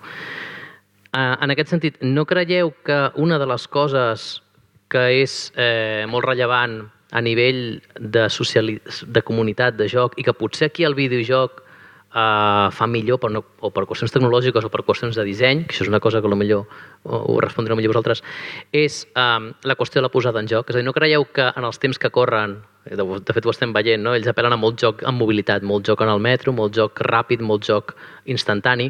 No creieu que en els temps que corren, que cada cop tenim menys temps i sembla que les relacions cada cop són menys directes, el joc de taula té, el joc de rol també, evidentment, té les de perdre amb tot això? Jo crec que depèn molt. O sigui, jocs d'ordinador i de taula hi ha dels que duren 5 hores o 20 i dels que es juguen en 20 minuts o en un quart d'hora. És a dir, jo puc portar una baralla del banc a la, al bolso, que m'ocuparà un espai petit, i no necessito ni una taula per jugar-la. Necessito donar una carta a cada jugador i tenir un lloc on posar un mazo petit de cartes. Però necessites jugadors. Sí, necessito jugadors. També hi ha jocs que són a dues persones. Necessito només un jugador. Sí, però, però és un requeriment molt més baix que el que estaves tu plantejant. És a dir, òbviament, si vull jugar al caverna necessito una taula gran, necessito un nombre de jugadors, però si vull jugar al Fallout no jugaré 10 minuts, perquè en 10 minuts no em donarà gairebé temps a que se'm carregui la pantalla i a fer el primer moviment, "Ostres, que tinc un combat, no em donarà temps. Depèn de quin joc estem parlant. Sí, I la curva d'aprenentatge també té molt a veure.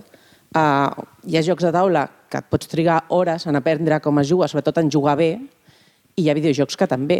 Jo sóc dolentíssim als videojocs que requereixen aquest aprenentatge en jocs com el LoL, com el League of Legends.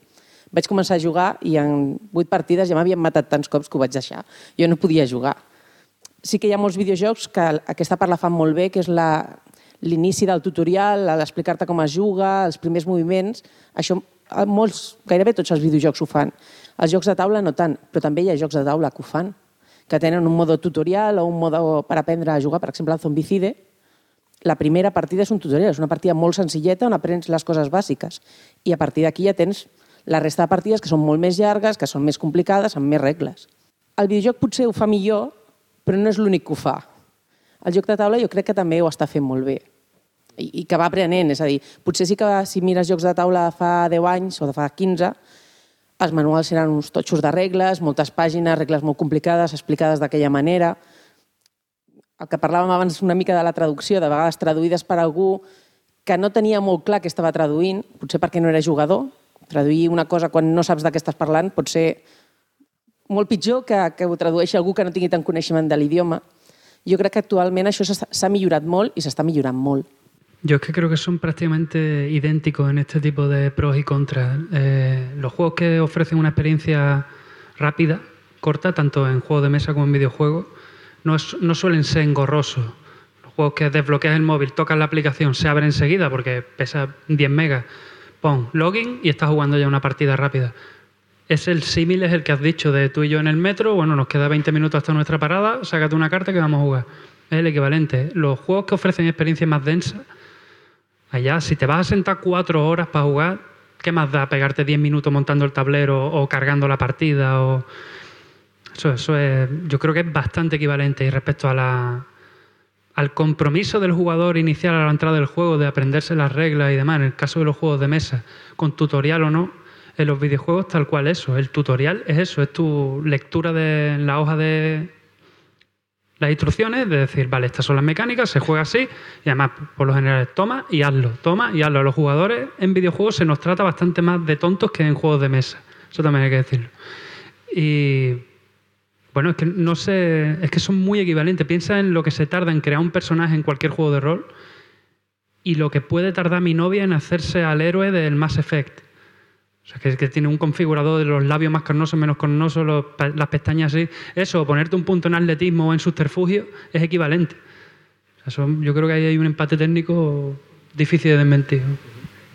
Sí, yo pienso como él Tipos de juegos distintos, el de 20 minutos y el de 4 horas. Cada vez tenemos menos tiempo para lo que queremos, pero si queremos sacar 8 o 15 horas o, o 78 para pasarnos un Final Fantasy, al final te las acabas sacando de algún sitio. Entonces, la diferencia puede estar ahí.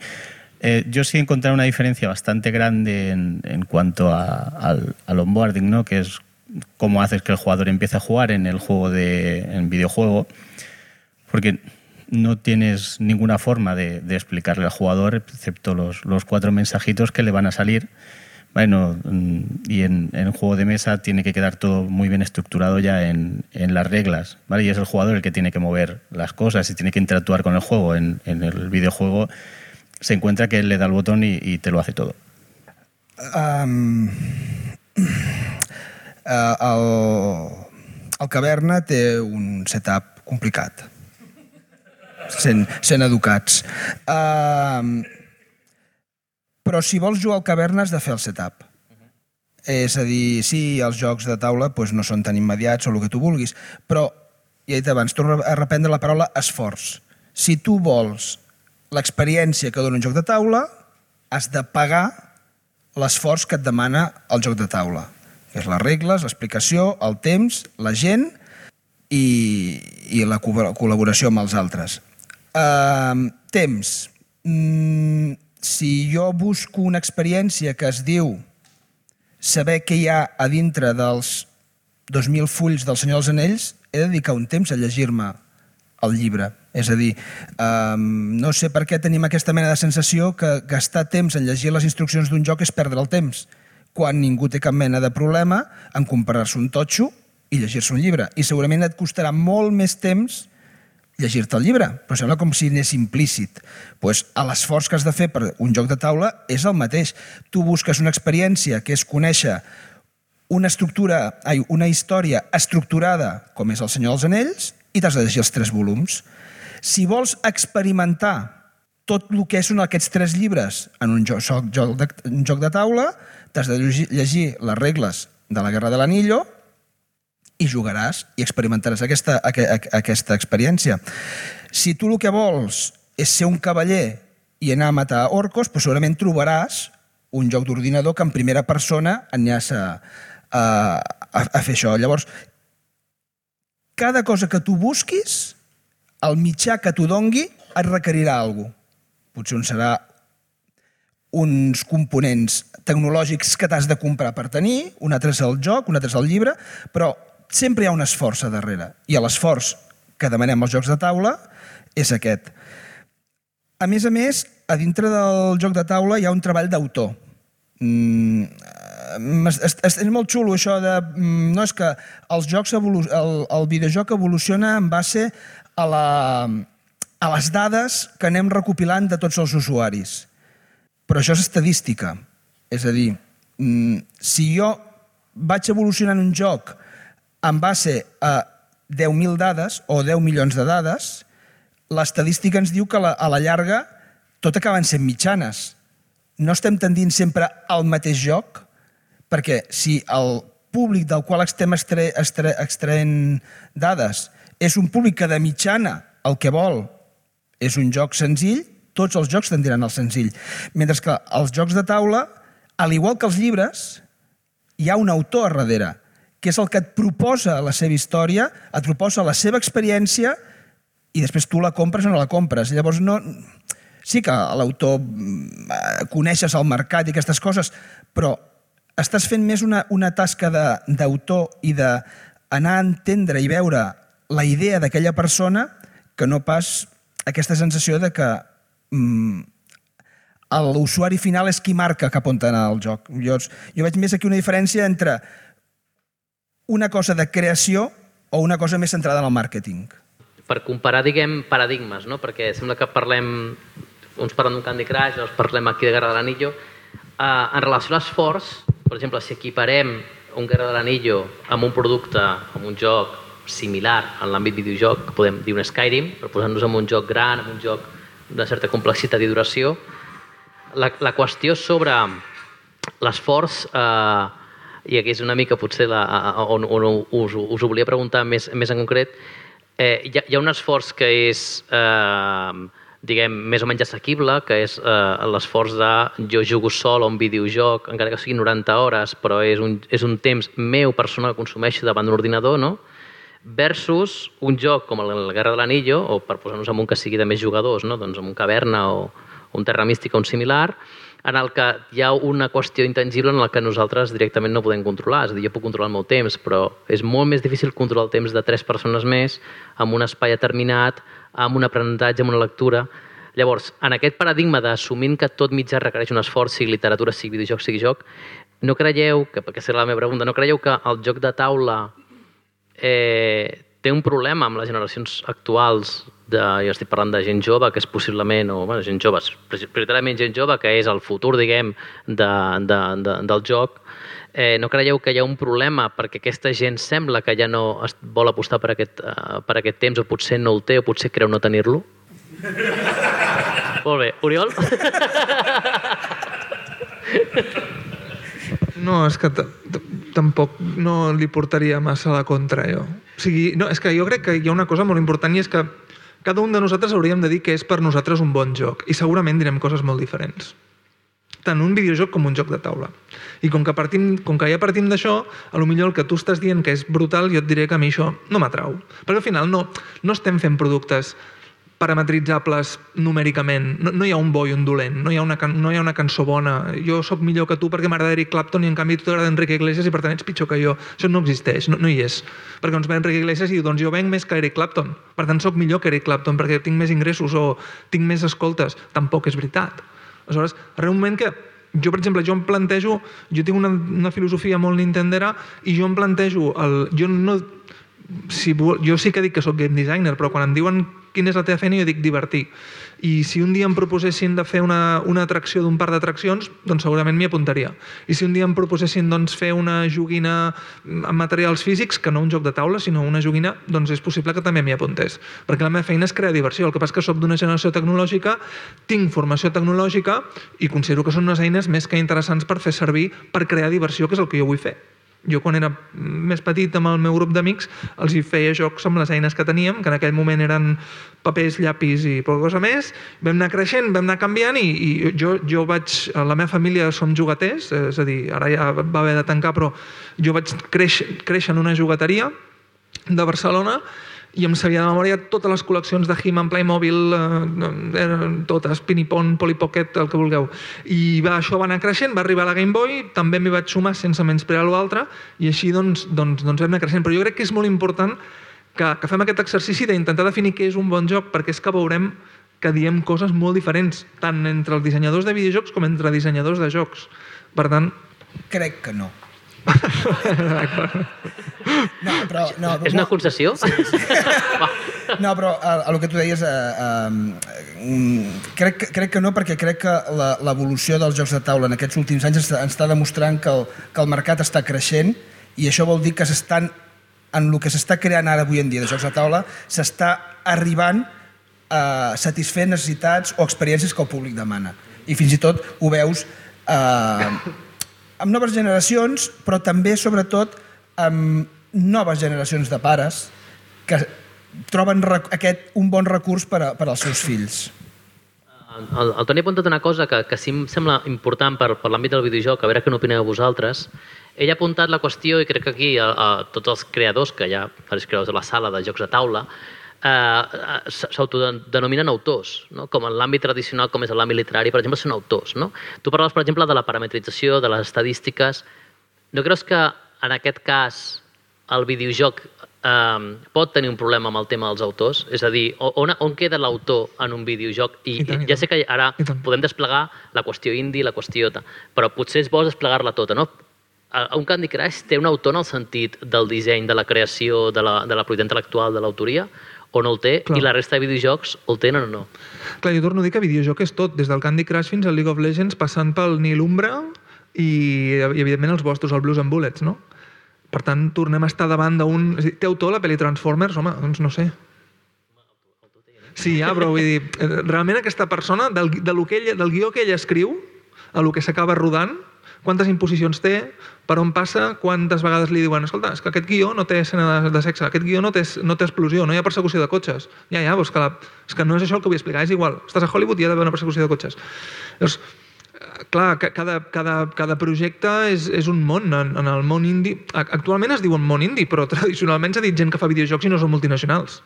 És que actualment tenen com un nom que els engloba, però, però tota la vida n'hem dit gent que fa videojocs i no són part d'una multinacional i ara els diuen indies. Bueno, d'acord, però no, però tampoc, són cap, tampoc és una comunitat prou representativa com per dir que tots són iguals, ni molt menys. I el mateix passa en la música. Aquí aprofito que tinc el Roger Saró per dir-te que a vegades s'ha intentat englobar la música indie i de sobte t'arriben els Manel i et diuen, home, però fan folk, però és indie, però, però també és mainstream perquè ara ho escolta tothom i això què és, no? Bueno, és una gent que s'expressa d'aquesta manera i se'ls dona bé. I, I en aquest cas una mica el, el mateix, no? I, per tant, jo crec que quan tu fas un joc, com quan tu fas un guió d'una pel·lícula, que està totalment marcat per des de fora, sigui el màrqueting perquè t'estan apretant aquí, perquè si no arribes a unes vendes això no, no funcionarà, siguin les mètriques, o sigui el que sigui, ets molt poc autor, i quan tu tens la sort de poder fer de poder agafar una idea, desenvolupar-la, tancar-t'hi, protegir-la i vetllar perquè aquesta idea arribi eh, de la millor manera entre el que tu has pensat i el que el públic consumeix, aleshores ets, ets un autor, però crec que això passa en, en totes les disciplines. Yo creo que depende de cómo de pobre quieras ser. Es decir, esto de ser de autor en videojuegos es muy, muy, muy esotérico. Esto es muy raro. O tienes un padre con muchos billetes y te puede poner a pintar lienzos con heces de animales y cosas así, o no, no, no puedes ponerte creativo y decir, ala, este es mi juego, ahí está. Si queréis lo compráis, si no, a mí me da igual. No. O sea, eso en videojuegos es tirando impensable. Entraríamos en los indies. Gente que, bueno, que en poco tiempo, con un equipo pequeño, sin demasiados alardes, tiene una idea y dice, ¡buah! Todo está, eh, necesito expresar esta idea, lo hago así y ahí está. Pero esto es muy difícil de hacer con videojuegos. Más aún cuando ahora se, con el hecho de las plataformas, que estás constantemente con- eh, conectado con Internet y la comunidad opina y demás, hay un formato que es el del Early Access, no sé quiénes lo conocéis, si estamos, imagínate este señor y yo decimos, vamos a hacer un juego que, que lo va a petar, a esta gente le va a funcionar de puta madre, ok, ¿lo tenemos? Sí, pues hacemos una primera demo, una primera versión del juego y la ponemos disponible para vosotros. Al precio final, imagínate que va a valer 10 euros, pues lo dejamos a 5 euros. Y no es que nos hagáis de tester, es que nos hacéis de estudio de mercado implícito. Es decir, vosotros cogéis, os pilláis el juego, lo bajáis, lo jugáis y participáis en foros diciendo, pues esto me parece una castaña porque las tiradas parecen demasiado aleatorias y siempre pierdo. Pues esto está muy bien, pero se hace demasiado complejo esta regla, esta regla, esta regla. Pues esto es muy difícil porque el tutorial no lo he entendido. Y nosotros con esa información, que no estamos hablando de la estadística de monetización, donde todo tiende a, a sacar máximo beneficio, de mecánica de slot machines, algunos de los juegos, no todos. Hostia, es que a nosotros nos da una ventaja de la hostia. Tú tienes la putada de que lo que encapsulas y lanzas es lo que hay. Pero eso es monolítico, eso es dinosaurio, o sea, eso es super nazi. es, Señores, aquí está, aquí lo tenéis. Que puede funcionar y ojalá funcione. Pero nosotros tenemos la ventaja de que podemos iterar eso. Hostia, hagámoslo, porque no lo íbamos a hacer. Te estás metiendo en problemas, ¿eh? Con lo de monolítico. No, pero es un formato más clásico que el nuestro. Eso, quien diga que no, bueno. Jo la, la, la pregunta que la, la per una qüestió, perquè um, sembla ser que en el joc de taula sempre hi ha un autor, no? o, o a dia d'avui sembla ser que hi ha un autor reconegut, diguem-ne, no? una persona que ha fet el joc independentment de l'editor, però és una persona que té... Uh, però vosaltres apuntau la qüestió de que en un videojoc sembla que no té per què haver-hi un autor. Però, per exemple, Shigeru Miyamoto, eh, podem, ass podem assumir que Shigeru Miyamoto i és un autor... Hideo Kojima i, i tants com I vulguis. Sí, sí, mainstream home, i sí, que- i Ron Gilbert i Tim Schafer i tants com vulguis. Jo, jo el que dic és que... El, el, el... Sí, que ara sí que hi ha autor. No, però, però és que jo no he dit mai que no hi hagi un autor. Jo només dic que el tipus de projecte i el tipus d'empresa on tu estiguis, fixeu-vos que, per exemple, tu ara has dit Shigeru Miyamoto, quants jocs de Nintendo van signats per Shigeru Miyamoto a la capsa? Ni un. Coneixem a Shigeru Miyamoto, que òbviament és la ment creativa de Nintendo i una de les més importants del món, els que estem a la indústria i els que anem a, a, a les trobades i els que anem a les fires i els que anem més enllà. Però el nen que, que està a casa i li regalen el Mario Bros i juga al Mario Bros i se'l passa i tal i qual, no sap ni qui és Shigeru Miyamoto. Aleshores, de tota manera, jo, jo no he dit en cap moment que no hi hagi autor, jo només he dit que hi ha productes, siguin cançons, siguin llibres, siguin pel·lícules, siguin videojocs, que permeten que l'autor sigui més autor i n'hi ha que tenen tantes imposicions que de fet hi ha, hi ha autors que no te'ls faran mai. Hi ha pel·lícules que, que Quentin Tarantino no te les farà mai perquè no li deixen posar el seu segell. Quentin Tarantino podrà fer, no sé, eh, un, el, los Juegos del Hambre, no sé què. No, no, perquè no li deixaran fer el que ell vol, per tant, fora. Christopher Nolan podrà fer la nova pel·li de les Tortugues Ninja? No. Per què? Perquè no li deixaran fer el que ell vol. Prou llet va tenir en Batman i mira, li va sortir bé. Però no li deixaran fer el que ell vol. Llavors, és que el cine no deixa ser autor. Sí, farà Inception, farà eh, Origen, farà la Interestelar, però, però, però hi ha projectes i, i, i conjuntures que permeten que l'autor sigui més autor i n'hi ha que permeten que ho sigui menys. Algú es pregunta qui és el inventor de Candy Crush? Mm, Jo no conec ningú que s'ho pregunti.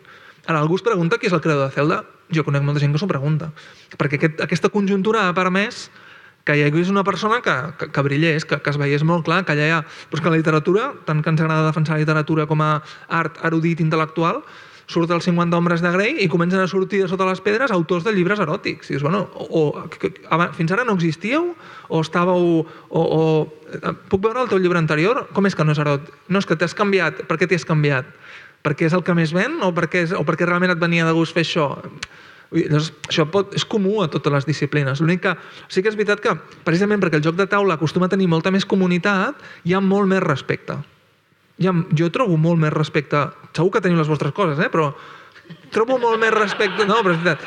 Trobo molt més respecte en, entre el... No, perquè a vegades dius, no, no, és que a la teva empresa sí que treballeu bé, si jo parlés, però, però trobo molt més respecte entre vosaltres per, per, per tenir molt clar que allò és un joc que té una feina, que té una autoria, que té una voluntat, respectar-lo, dir, hosti, aquest joc és d'aquest tio, per tant aquest joc segur que serà bo, em, em faig aquest esforç que tu reclamaves, jo faig l'esforç de llegir les instruccions perquè tot i que és un totxo, tinc molt clar que si faig aquest esforç després m'ho passaré bé.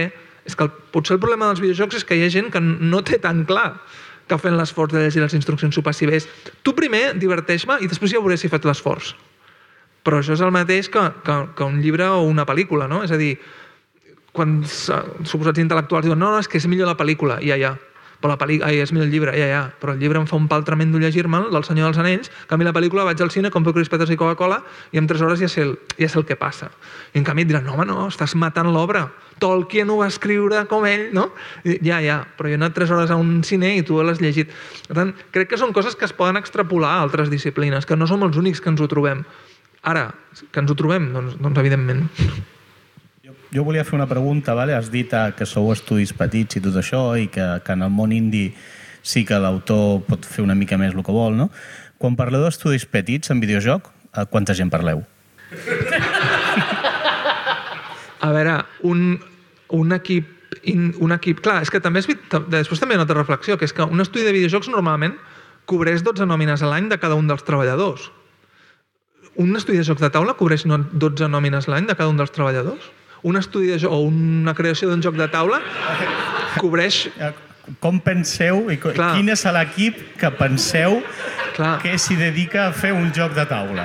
Clar, clar. Vull dir, quanta gent creieu que hi ha Però, involucrada? però, però això que estem comentant és, és molt rellevant, no? Perquè normalment un estudi de videojocs és un estudi amb una certa... que, que sí que pot durar un any o dos anys, o, però és una, amb una certa estabilitat. Allà es cobren nòmines cada mes.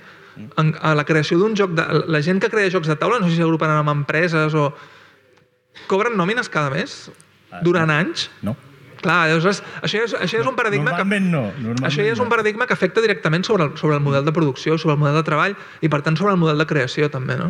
Llavors, responent a la teva pregunta, jo et diria, jo et diria que, per posar una xifra, eh, i m'estic mullant molt, menys de 50 persones seria un estudi petit. A mi, insisteixo, a mi el, el nom indi crec que és una etiqueta i jo fujo de tota etiqueta possible. Menys de 50 persones és un estudi petit, trobaràs molts estudis de 2, 4, 6, fins a 10, i a partir de 50 persones, si ho multipliques per les nòmines, per un preu mínim de, dels perfils que s'estan demanant, que són perfils altament qualificats en programació, en xarxa, en informàtica, en art, 2D, 3D, animació, efectes, sistema, efectes especials, gestor, mm, clar, multipliquen. Ha de, ser un, ha de ser un estudi gran. Sí, sí, no, sí, t'ho pregunto perquè més o menys tinc aquestes dades. Sí, sí, sí, Un sí, és això. 30 persones i el joc de taula sí que el, el fa un autor sí. i sí que tens uh, els testers, no? tens bueno, amics i hi ha, uh, hi ha algunes empreses que comencen a sortir que et fan testejos i et fan un, bueno, et donen una mica d'impressió sobre el joc, però sí que això en videojoc eh, ho teniu més... És que el, el model de... Si un videojoc no és viable, normalment es quedarà com a projecte entre amics i no podrà créixer més, perquè, perquè el qui es posa a fer un videojoc normalment també necessita de, de menjar. El, el, el format dels estudis de creació de jocs de taula eh, normalment és normalment és d'un i que vas amb una maleteta amb els teus jocs eh, molt similar al que seria un escriptor. És a dir, el, crec que tots tenim potser un imaginari de que un escriptor és una persona que es dedica a escriure un llibre i després va per les editorials passant el seu manuscrit, ara si algú li compra, doncs el format de l'autor de joc de taula és aquest. És a dir, som més propers potser a l'escriptor que no passa a un, a un treball... Es que hacer un juego es un infierno. ¿eh? o sea, seguro que el de mesa es un infierno, el de, el de, video, el de videojuegos es un infierno que huele a fresa, pues se disfruta, pero es un, es un infierno. Y nosotros somos 24, sin si no contamos los becarios, que también hay, no veas si se le ocurre a los chavales. Y hostia, es que cuando depende de, de que los fundadores estemos con la mente fría diciendo, vale, la idea del juego que funciona es esta, la probamos, funciona, sí, vale. ¿Vamos a ganar dinero y no hay que echar a nadie? Sí, venga, continuamos. Esa presión, la obra de ingeniería que es levantar un videojuego, según como de grande sea, hay juegos que lo hacen dos personas en cuatro meses. Hostia, es que la presión es tela. Si vosotros, eso, al hacer un juego de mesa implica menos personas, la puedes hacer más a tu bola y pues, tienes más tiempo para gestarlo, buscas opciones, pruebas con amigos, vas a una, una feria, un evento, lo pruebas, miras feedback. Nosotros, por lo general, tenemos una presión bastante tocha. Además, sin meternos en este tema, los inversores en España no tienen ni idea de lo que hace un videojuego y el juego ya está. Pues si empezamos ayer, pero el juego ya está, mm, no. Y, pues entonces no te pago más, pero si llevamos un día, ¿vale? es es complicado. passar a una altra, a una altra qüestió que va bastant vinculada a la qüestió de, del disseny, que és la qüestió formativa. Mm. Aquí hi hauria dues preguntes que m'agradaria que responguéssiu eh, com, com millor cregueu. La primera és, i que és una pregunta que a mi particularment m'interessa bastant, si creieu que, en tant que estem parlant sempre de jocs, independentment de, de les particularitats i de, i de les diferències, si vosaltres creieu que saber de disseny de jocs de taula, de jocs de rol i de jocs de cartes és útil per crear videojocs. I a la inversa, si crear videojocs o saber de videojocs eh, o de disseny de videojocs és útil per plantejar la qüestió de crear jocs de taula. Aquesta és la primera qüestió. I la segona qüestió, eh, molt vinculada a l'àmbit eh, de cicles formatius, a l'àmbit d'universitat, que jo crec que també és important, quines creieu que són les principals característiques eh, que ha de potenciar una persona, imagina una persona jove que ens estigui veient ara i li pugui interessar dedicar-se al món de crear jocs de taula o de crear jocs de rol o de crear videojocs, quines són aquelles característiques essencials que creieu que ha de tenir un dissenyador? No parlo, no parlo d'un d'un empresari, ni d'un artista, ni d'un programador. Parlo d'un dissenyador de, de, de jocs. Quines creieu que són les principals influències o les principals, eh, principals estudis, si voleu, o principals àmbits de coneixement que hauria de potenciar per poder dedicar-se a aquest, a aquest món?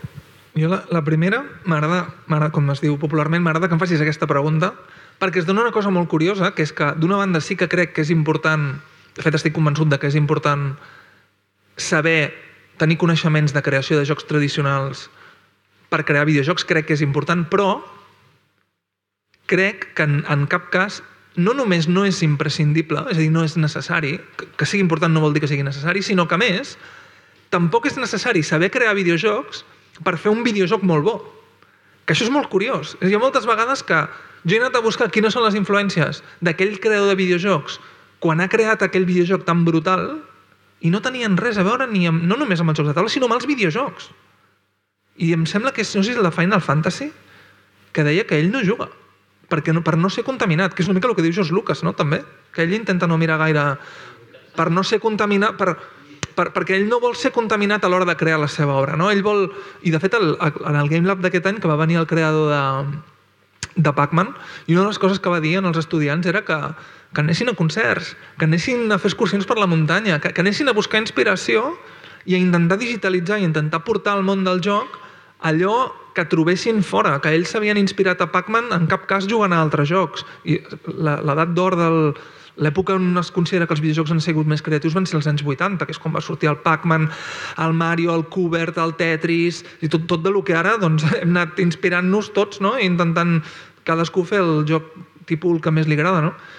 I aquests no s'inspiraven en altres videojocs, i, i molts tampoc s'inspiraven en jocs de taula, s'inspiraven en veritables fricades. O sigui, que dius, com? Que el Pac-Man era un tros de pizza? Sí, sí, teníem un tros de pizza i li faltava un... Que el Tetris, amb el Tetris sí, que en aquest cas era el Pentominos, que era un joc eh, tradicional però, però molts no es van inspirar en això, sinó que es van inspirar en, en altres coses de la vida i, i les van ludificar, i les van ludificar i les van digitalitzar.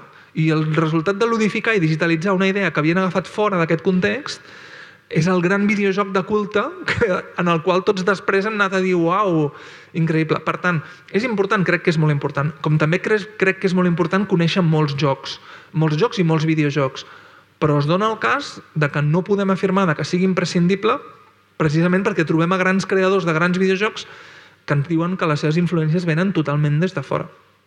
Por mi parte, yo creo que lo primero que tiene que tener un diseñador son recursos. Esos recursos pueden venir por actitud innata, que, que, sea una mente imaginativa, creativa de la hostia y sepa plasmarlo y llevarlo a conceptos interesantes. Y otra cosa que viene muy bien es tener cuantas más referencias mejor. Está claro que saber diseñar juegos de mesa o haber participado en talleres o haber sido tester de algún juego ayuda, seguro. Saber de cómics, de películas, de cultura pop de los 90, todo ayuda. Siempre vas a poder encontrarle una utilidad, un conocimiento que tengas para según qué proyecto. Pero, vamos, aptitud. Antes preguntabas qué debería de aprender o saber la juventud conforme se quiera dedicar a esto. La actitud tienes que dejar el ego fuera de la sala porque cuando nos ponemos creativos es nuestra idea y nos cuesta mucho que nos la pisoteen o que digan es mala porque mira por esto, por esto y por esto. Hay que saber buscar siempre entre todos qué ayuda al proyecto. No sé ahora aquí un divo y siempre trabajar en, buscar algo que funcione, que todo el mundo esté de acuerdo en que funcione, pues sí, aguanta los envites de todo el mundo, es que la idea se sostiene y es válida como para al menos prototiparla, luego ya veremos si acaba en un cajón o se hace un juego. Y tienes que saber buscarte la vida. Sea, pues nadie te lo va a poner fácil. Tienes que haber estudiado informática, tienes que haber estudiado bellas artes. No, no. El mejor diseñador de juego que conozco es autodidacta. Tío se ha buscado sus libros por Amazon o en PDF, no sé cómo lo ha buscado, y, y es un fiera. Y es que hablas con él y es un tío totalmente neutro que te argumenta por qué una idea va a funcionar, por qué no, la implementa y la clava. Y no sé cómo lo hace. Bueno, Pero no, hay una receta mágica para generar buenos diseñadores, sino en, la- en el Tecnocampus haríamos máquinas de matar y no, y no se puede. O lo tienes o no, y aparte, formate, pilla referencias. No hay otra. Bueno, por añadir alguna característica más que no han dicho ellos, eh, ser un buen comunicador. Tiene que ser capaz de plasmar sus ideas y que las otras personas lo, las entiendan para poder implementarlas. En el caso de los juegos de ordenador y en el caso de los juegos de mesa, pues él va a ser el encargado de decirle a los usuarios cómo jugar y de vender su propio juego. Así que es muy importante que sepa comunicarlo. Bé, doncs... S'ha de saber de videojocs per fer jocs de taula? No. No només de videojocs. S'ha de saber de tot. Jo crec que s'ha de de literatura, d'història, de matemàtiques, d'informàtica, de lògica, de videojocs, de física, de química, de tot el que faci falta. Qualse, qualsevol cosa et pot ser útil o qualsevol cosa t'és útil. Um, he de saber informàtica en el sentit de que he de saber fer anar a programes de gestió gràfica perquè jo m'he de crear els prototips. Uh, he de saber matemàtiques perquè si el meu joc treballa amb conceptes numèrics he de saber analitzar el, el joc i fer anar una taula d'Excel. He de saber d'història no només per fer jocs que siguin fidels a la història, sinó per entendre les coses que funcionen. No, si jo faig un joc de combat de, de, de fantasia, però no sé el que és atacar pels flancs o no atacar pels flancs i quines diferències hi han, potser creu unes regles que no són reals. Um, literatura. Jugar un joc acabarà portant una narrativa, acabarà portant una experiència que tindrà un començament i tindrà un final. Si pots incorporar elements literaris en el joc en quant a, a, a, en quant a crescendos o en quant a cos- coses d'aquestes, sempre milloraran el joc. Llavors, has de saber de tant i de tot el que puguis, perquè tot sempre algun moment tindrà alguna utilitat per, per al desenvolupament del joc. I la segona pregunta que deia sobre què eh, necessita o què s'ha de plantejar una persona per començar a crear jocs, doncs ha de voler aprendre. Eh, no no, no se n'aprèn eh, només necessàriament fent cursos o d'allò, se n'aprèn practicant i s'ha de tenir molt clar que no l'endevinaràs mai amb el teu primer joc. Mai. Amb el primer n'aprendràs una mica, amb el segon n'aprendràs més. Llavors sempre és, has de tenir molt clar que el teu objectiu final és aprendre a fer això i això ho faràs treballant i investigant sempre. Fa... Eh, quan, quan, quan va començar a sortir el, el tema del Victus, aba- abans de que, de que estigués publicat, un cunyat meu em va dir i tu què ets? I jo dic, com que què sóc? Diu, diu home, qui fa llibres és un escriptor, qui fa mm, un quadre és un pintor, qui fa mm, un edifici és un arquitecte. Els que feu jocs, què sou? Som, som autors de jocs de taula. Hosti, això és molt complicat. És molt llarg. No, no tenim una paraula. I, i últimament a mi m'agrada molt el, el concepte arqueòloga. Perquè jo moltes vegades tinc la sensació que és això, quan comences a treballar, comences a investigar, comences a desenvolupar un joc, tinc la sensació que el joc ja hi és en allà. I tu el que has de fer és descobrir-lo. Perquè moltes vegades fas una regla, veus que no funciona, la canvies i dius, ah, era aquesta la regla que necessitava el joc. Llavors, has de fer això, has de tenir clar que quan tu et fiques a fer un joc, vas a treballar, a, a remengar-te, vas a buscar on està el joc que necessites trobar per l'experiència que vols crear. Jo penso que per fer un joc eh, el primer que necessites és una experiència que et diverteixi, no? Perquè, I fer el joc el que fas és agafar aquesta experiència mitjançant unes mecàniques intentar que la gent, que el jugador eh, es diverteixi igual que tu. Llavors necessites moltes experiències, eh, necessites anar al cine, necessites riure, necessites fer moltes coses, veure què és el que et diverteix a tu, intentar amb unes mecàniques eh, traspassar aquella experiència amb els jugadors i clar, quan més sàpiguis de, de, sobre mecàniques de jocs, de videojocs, vull dir, són mecàniques en general, quan més sàpigues de literatura per fer arribar millor aquella, aquelles experiències al jugador, doncs millor. Eh, tot el que puguis adornar i, i comunicar millor cap al jugador, doncs, doncs millor serà el joc. Bueno, a mi ja em queda poca cosa per dir, no? després de tothom. Però jo crec al igual que tots, que és útil saber de l'altra banda i saber de la teva. És a dir, si has de crear un joc de taula, has de saber d'altres jocs de taula, has de conèixer els jocs per saber quines, quines mecàniques funcionen i com funcionen, però també és útil saber de videojocs per saber quines mecàniques funcionen als videojocs i es poden implementar en un joc de taula. I a l'inrevés, els- els videojocs jo crec que han implementat moltíssimes mecàniques de joc de taula i els hi funcionen molt bé i precisament per això ho han fet. I també, òbviament, és útil saber de narrativa, és útil saber de matemàtiques, de física, de història de l'art, de qualsevol altra cosa. Respecte a la segona pregunta, què s'hauria de potenciar, a part de tot el que heu dit, jo crec que una mica s'han de potenciar les ganes. És a dir, no crec que sigui una feina, ni la de creador de videojocs ni la de creador de jocs de taula, que sigui fàcil. Mm, Totes les feines tenen les seves coses, òbviament, però una feina que té un punt creatiu has de tenir moltes ganes, perquè en quan aquestes ganes se't passen és molt difícil ser creatiu. Tu pots anar a una oficina i treballar en un Excel durant 8 hores sense tenir cap tipus de ganes. I bueno, potser no ets tan productiu, però faràs la feina. Si has de ser creatiu i no, ten, no tens ganes, no faràs res. Miraràs la pantalla de l'ordinador o el full en blanc i, "Uf, i ara què faig? Jo crec que s'han de potenciar aquestes ganes. Aquestes ganes no arriben de, de l'aire. És una mica com la inspiració. Els escriptors sempre s'hi pregunten d'on ve la inspiració. Bueno, la inspiració en general no ve de l'aire. No ve de mirar al cel oh, una mica com a House, no? Mm, acabo, de, acabo de veure un ocell, he vist una llum que s'encén, ja sé quina és la idea màgica. Jo crec que s'ha de treballar i per això s'han de tenir ganes i li hem de dedicar moltes hores. Molt bé. Uh, voldria fer-vos una altra pregunta, que és uh, potser també una mica conflictiva, que és la qüestió de lo tangible. No sempre s'han de separat de l'element físic, de la fisicitat del joc.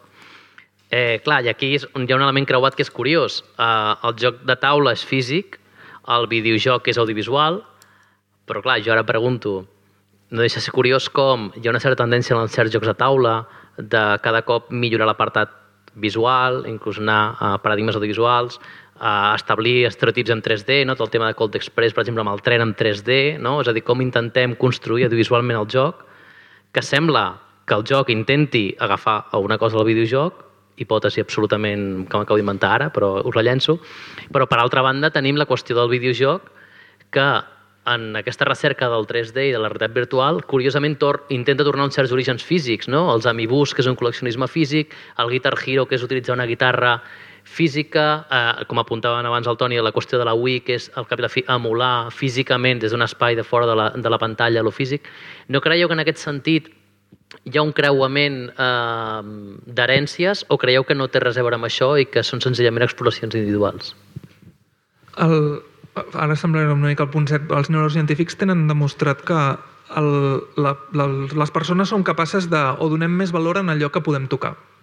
Som més capaços de, de, de, de pagar diners per una cosa que puguem tocar vers una altra que no toquem, tot i que potser tingui molt més esforç. D'aquí ve que la pirateria de lo digital moltes vegades no considerem un robatori i en canvi si allò si, si substraus, no sé, qualsevol cosa molt més que costa molt menys, sí que et sents que estàs robant. No?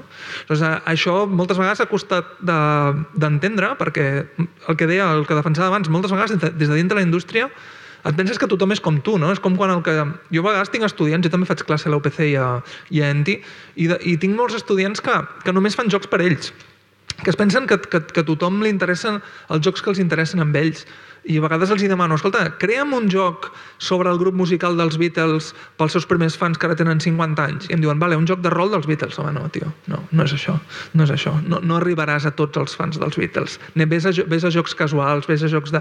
Aleshores, uh, moltes vegades des de dintre la indústria veiem les coses com nosaltres som i com que, com que nosaltres lo fàcil o el que ens va o el que som capaços de valorar és el que hi ha darrere d'una feina intangible, doncs no hem cregut gaire en lo tangible. Però, per exemple, crec que s'ha d'atorgar el mèrit als Skylanders, no? Perquè després van venir el Disney Infinity, després van venir el, els Nintendo amb els Amiibos, per, per posar en valor això, que potser en uns jocs que, que potser no tenen tanta qualitat, però la, la part física els hi ha fet guanyar molts més beneficis que molts altres jocs que a nivell jugable, a nivell gràfic, a nivell tècnic tenen molta més qualitat i necessiten molta més inversió, però que no s'ha sabut, no s'ha sabut vendre així de bé. Nintendo amb els Amiibo ho ha demostrat d'una manera tremenda. connexió, o millor no, eh? No creus que aquí hi ha una herència evident amb el tema dels jocs de miniatures, els jocs eh, que utilitzen tota aquesta tots aquests dispositius físics que potser no són, no sé, potser no són necessaris per la jugabilitat, o potser ara em dieu que sí, no sé, però que sí que sembla ser...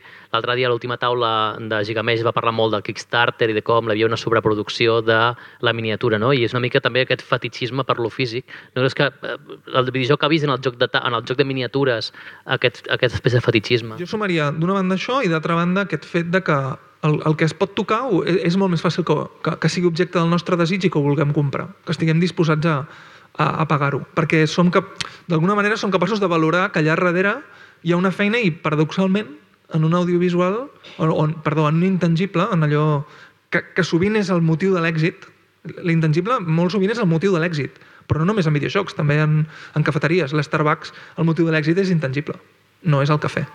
És, és, són intangibles. Però el, el que estem disposats a pagar és el, és el cafè. A, pagar-lo més car, eh? que estem disposats a pagar és el cafè. La idea costa més. Estoy totalmente de acuerdo con él. Es que, me va pisando todo, macho. Es que somos seres sintientes y necesitamos el contacto, entonces lo valoramos más. Todo lo que podemos tocar, poseer, el hecho de que sea nuestro, siempre lo vamos a, tener por encima de lo artificial, que es lo que pasa con, con los videojuegos. Por ejemplo, yo recuerdo la primera vez que cogí un mando de PlayStation, que yo creía que yo estaba manejando un, un ordenador de un laboratorio, ¿sabes? Era súper complejo, con demasiados botones y demás. La, la experiencia que te da, incluso tirar los dados en un juego. Hay juegos que te, videojuegos que te enseñan los dados rulando y sale ¡pum! Un 1, has perdido. Y digo, es que no lo he tirado yo. Eh, Lo llego a tirar yo, saco un 5, un 6 seguro. No, no te da la misma credibilidad. Lo físico es mucho más directo, es más personal. Lo otro no. De hecho, hablando un poco de la realidad virtual, la realidad aumentada y demás, está pasando en los videojuegos que a nivel de lo que se proyecta en la pantalla cada vez más realista, cada vez está más logrado, cada vez te mete más, pero tu interacción con ese mundo se está quedando desfasada. Este mando espacial no, no me está terminando de dejar de conectar con eso que hay ahí. La realidad virtual intenta seguir la estela que marcó el mando de la Wii. El mando de la Wii permitía, con un input sencillo, creer que eres la máquina jugando al tenis. Anda que no estaba simplificado eso, eres tú Pete Sampras, venga hombre. ¿Sabes? Pero todo el mundo tenía ese feeling de hacer una acción y verla y, y vencer. Wow, soy buenísimo. Ya. Pues la realidad virtual es lo mismo. ya no es solo te enseño algo muy bonito, te meto ahí dentro para que te lo creas un poquito más. Los manditos estos del Morpheus. Mm, todo el que se lo pone es que ves los vídeos y en los vídeos te están poniendo lo que están viendo los jugadores y lo que están haciendo. Y es que les ves las caras de... Están dándole a una palanquita, pero en el juego está la mano está cogiendo un objeto y están levantándolo. Y, en la cara les ves la maravilla de cómo se creen que son ellos los que están haciendo eso. Pues están emulando el, sentido físico de esa interacción. De aquí a que sea tal cual, bueno, ya veremos. Decían la, la pantalla esta que, que va a cambiar la rugosidad de los iPhone y demás. Y buscaban también enfatizar este aspecto físico de- del input del jugador. Pero eso todavía no lleva mucha delantera el juego de mesa. Yo lo veo como una evolución lógica a la hora de crear una mayor inmersión de los jugadores en los juegos de, en los videojuegos. Comentabas con el mando de la, Wii, lo que ha dicho él, no es lo mismo estar haciendo clic con un ratón o moviendo un mando que dar tú mismo el espadazo a la hora de la inmersión y cómo te sientes en el juego. És que és una necessitat, no? perquè en el món de la distribució, sobretot de videojocs, saben parlàvem de botigues que tenien els CDs i, i l'evolució del joc ha anat a, a que sigui tot de distribució online. Llavors no pots vendre res i, i com que no pots vendre físicament res, s'han inventat una mica aquestes coses per, perquè la gent tingui alguna tangible per poder tocar. Quiero intervenir con eso. Interviene, interviene. Decían hace tres años, cuatro años, que las ediciones físicas de los videojuegos iban a desaparecer con el auge de las plataformas digitales. Creo que desde finales del año pasado ya superan en ventas las digitales a las físicas. ¿Qué han hecho con las ediciones físicas? La edición coleccionista. Eso es porno para los coleccionistas. O sea, los que les gusta comprarse, gastar dinero en algo físico y tenerlo como suyo. Macho, hay una edición, la última que he visto del Dark Souls nuevo, que vale 400 euros con una figura y demás, y es el juego con cuatro cositas. 400 euros, agotada la existencia. Pero, O sea, en no este- se va a acabar en la vida. En esta edición no pagas el juego, es, es lo que menos pagas. Estás pagando el extra coleccionista Claro. que no tiene nada que ver con el juego. El Bueno, el juego el juego lo vale bajas. 70 pavos. Si te lo compras online, también vale 70 euros. Pero estos extras, es que hay gente que pierde la cabeza por este placer de tenerlo físicamente. Els videojocs que més diners facturen actualment són els que tenen model de pagament dintre del joc. És a dir, els freemium, els free-to-play. Els que el, el joc és, és gratuït i tu jugues gratuïtament. De fet, et pots, et pots passar el joc sense pagar ni un sol euro, però hi ha alguns dels usuaris, dels milions d'usuaris, que estan disposats a pagar per béns virtuals dintre del joc. De vegades estan disposats a pagar també per estalviar-se un esforç, que abans comentaves tu, i realment és una característica molt important dels jocs, perquè una de les coses que ens gratifica, per les quals ens sentim gratificats, és el, el reforç de l'esforç que hem fet, no? veure que hem, que hem fet un esforç per aprendre alguna cosa o per superar alguna cosa i això és reforçat. I, el, I són els videojocs que més diners facturen. Són els que estan monetitzats de manera que en un moment donat del joc tu, si vols, voluntàriament, pots fer un pagament, que de fet ja es diu micropagament, són pagaments molt petits, tu segueixes sense tocar res, és a dir, allò segueix sent intangible, però té a veure amb el teu esforç. Té a veure amb, amb, amb, les, teves, amb les teves sensacions, amb les teves percepcions dintre del joc. Et pot servir, hi ha, hi ha diferents maneres de monetitzar, eh? i de fet no, no, no hi ha una no hi ha un bé i un mal a l'hora de monetitzar. Vull dir, hi ha, debats de gent que monetitza d'una manera o d'una altra i que consideren que, que un tipus de monetització és fer trampa i que l'altre no, i aquí ja no, no hi entraré ni molt menys. Però, però sí que sé que no es toca res, allò segueix sent intangible i és el que genera més calés de la, de la indústria. Vull dir, també tinguem-ho en compte això. No, no és que m'hi estigui posicionant, eh? només ho aporto perquè ti- tinguem-ho en compte això també. És aquesta manera de dir, com que tu en aquest joc hi has posat tant d'esforç, hi has posat tant de temps i has arribat tan lluny, si ara mm, ens dones el que et costaria un cafè, mm, t'ho reconeixem o et millorem l'experiència. O, i, i, la, I hi ha un percentatge que són els que donen tants calés que diuen d'acord. És, és un Doncs- esforç doncs també per un esforç econòmic, que, que intentes Sí. compensar-ho amb esforç dintre. Sí, clar, però dius, hosti, qu- quantes hores, quantes hores m'està donant això, no?, del meu esforç, i doncs a partir d'aquí. Eh, bueno, sí, només afegir que, que llavors mm, no estàs jugant. Estàs fent un esforç econòmic per evitar eh, esforç És que jugant. insisteixo que depèn de com estigui monetitzat. No tots estan monetitzats. N'hi ha que sí que fan el... que de fet es diuen en broma el pay per play, no? Pay to win. Pay to win. Ah, però n'hi ha que no, eh? N'hi ha que estan monetitzats de manera diferent i aleshores diguem que el nivell d'esforç requerit és el mateix, simplement que tu pots millorar la teva experiència. Y si es jugar, porque la mecánica que han definido para ese tipo de juego es sacar la cartera y paga. Así que es jugar con una regla un poco rara, pero. No? Sí, bueno, el que, el que veig, i, i sempre que parleu de disseny i tot això, eh, a videojocs sempre, sempre parlem també de calés, va, va com molt junt, no? És, el joc funciona si dona calés. Vale? En, en, bueno, el joc, no dic que sigui bo o no, sinó que funciona, no? El joc està funcionant, dona calés, va bé. Eh, clar, això el joc de taula no ho sabem abans i no... Clar, però això també passa a la música i al cine. És a dir, aquestes, el top 10 de pel·lis. Uh, Fast and Furious 10, Spider-Man 6, Transformers 8... Blade Runner fue un fracaso cuando salió. Hay juegos ICO y compañía, juegos que son de culto entre el estudio de videojuegos y demás, y no vendieron, o sea, vendieron lo justo. ¿Sabes? Son juegos venerados con críticas altísimas, pero es que una cosa buena y una cosa que venda no siempre. Y hay castañas que venden también. O cosas que luego son buenas y en principio no. Es que, es que me ha venido el Minecraft, macho. Que yo vi el Minecraft cuando estaba en los foros. Quien no conoce Minecraft, todo el mundo, ¿no? Macho, estaba en foros gratis. Y la gente se lo bajaba y hacía el chala un rato, hacía cuatro bloques y ala. Y dice, hostia, que se lo ha bajado mucha gente, vamos a sacar dinero de esto. ¡Pum!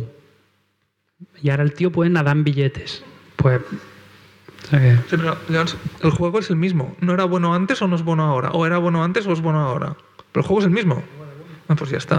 I a mi això, no, jo només volia apuntar que això és una de les coses que més em costa amb els estudiants. Tant els de la, U- jo faig classe a la UPC i a Endi, és lògic, tenen 19 anys, tenen 20 anys.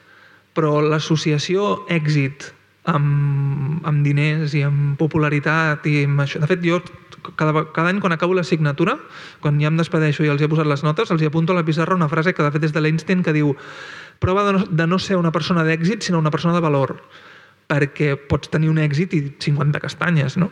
Aleshores, amb això m'hi trobo molt. És a dir, aquest joc, però és que aquest és millor. Per què és millor? Però, home, doncs perquè aquest està a dalt de tot i aquest no d'allò. Bueno, això, això fa que sigui millor. Però aleshores vés tant tu al conservatori del Liceu i digue'ls que Madonna ven més que ells, no? Digue'ls que Enrique Iglesias ven més que, que els que estan fent la carrera de piano. I, perquè, clar, fa música, no? I guanya més calés. I és una de les coses que més em costa d'explicar, de, de, de debatre en els, amb els, amb els estudiants que ara tenen 19 o 20 anys i que seran els futurs creadors de videojocs, que faran videojocs que ara ni imaginem i que fliparem tots plegats i que segueixen associant això, el, el quan facturi o quants jugadors tingui amb, amb, amb que si el joc sigui bo o no. Aleshores, clar, Ico o Shadow of the Colossus doncs no serien bons jocs, no?, quan són jocs de culte. Podria fer-vos un parell de preguntes i després ja obrir el torn al públic, d'acord? Eh, una pregunta és, eh, és una pregunta polèmica, és una pregunta que, que, que ha generat molt conflicte en l'àmbit del videojoc i que crec que el, el joc de taula potser pot aportar alguna idea. Eh, I m'agradaria començar per les usuàries, que és la qüestió de gènere. Eh, poso una mica en precedents. Eh, s'ha produït un fenomen que s'ha anomenat el Gamergate, bàsicament a internet, però consisteix, eh, ha tingut moltes fases, però hi ha una te gran teòrica que es diu Anit Sarkeesian, que és una teòrica del, del videojoc, no? que ha analitzat molts videojocs i diu que el videojoc estereotipa la dona i la converteix en un objecte a perseguir, en un objecte sexual, en fi. Uh, ha rebut amenaces de mort, no? hi ha hagut, hi ha hagut un, un, un sidral important. No? La meva pregunta, i, i centrant la, la, la qüestió des d'un punt de vista del disseny, és eh, quina és la responsabilitat ètica i moral que té un dissenyador de videojocs atenent a que és un mitjà tan, tan important en relació a les qüestions no només de gènere, sinó també ideologia, racisme, és a dir, fins a quin punt el disseny de certes mecàniques, el disseny de certs mons de ficció vinculats a certes mecàniques eh, és rellevant o no i si, i si, el, el, el, si el, el dissenyador hauria de tenir una responsabilitat amb això. Mm, Yo creo que tiene la misma responsabilidad que tenemos cualquier otra persona en nuestra sociedad. O sea, no podemos, no podemos eh, implementar de base o pensar que es buena la objetivización de la mujer. No podemos traer al videojuego temáticas como la violación si vamos a hacer de ello algo bueno o algo que puede ser divertido para los usuarios, porque en realidad lo que estamos diciendo a la gente es es bueno objetivizar, es bueno violar.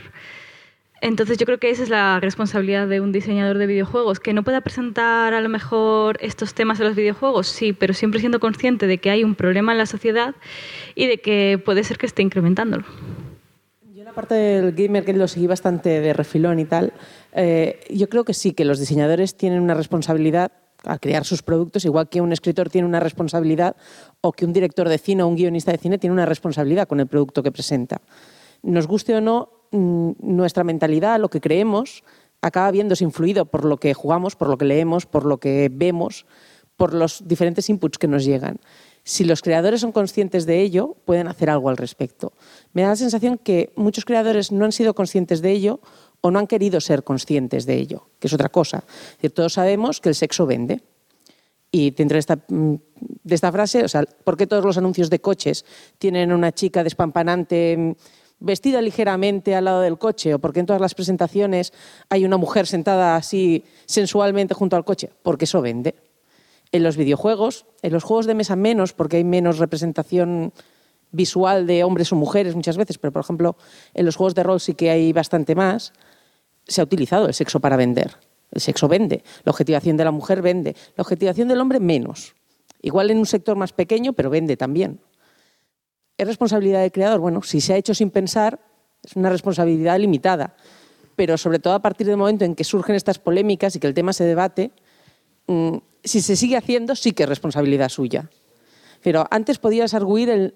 No era consciente de ello, pero todos sabemos que en Tomb Raider Lara Croft tiene cada vez una talla mayor de sujetador porque eso vende.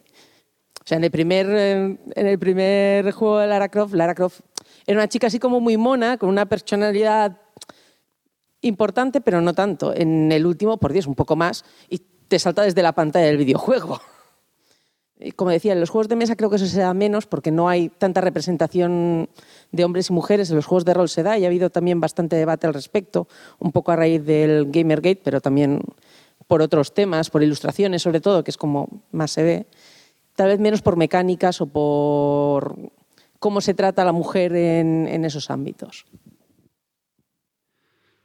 Yo creo que está claro que a nivel de mecánicas de juego, de, lo que usa el jugador para interaccionar con el juego, en ningún momento es justificable que, que se hagan cosas inmorales, ¿no?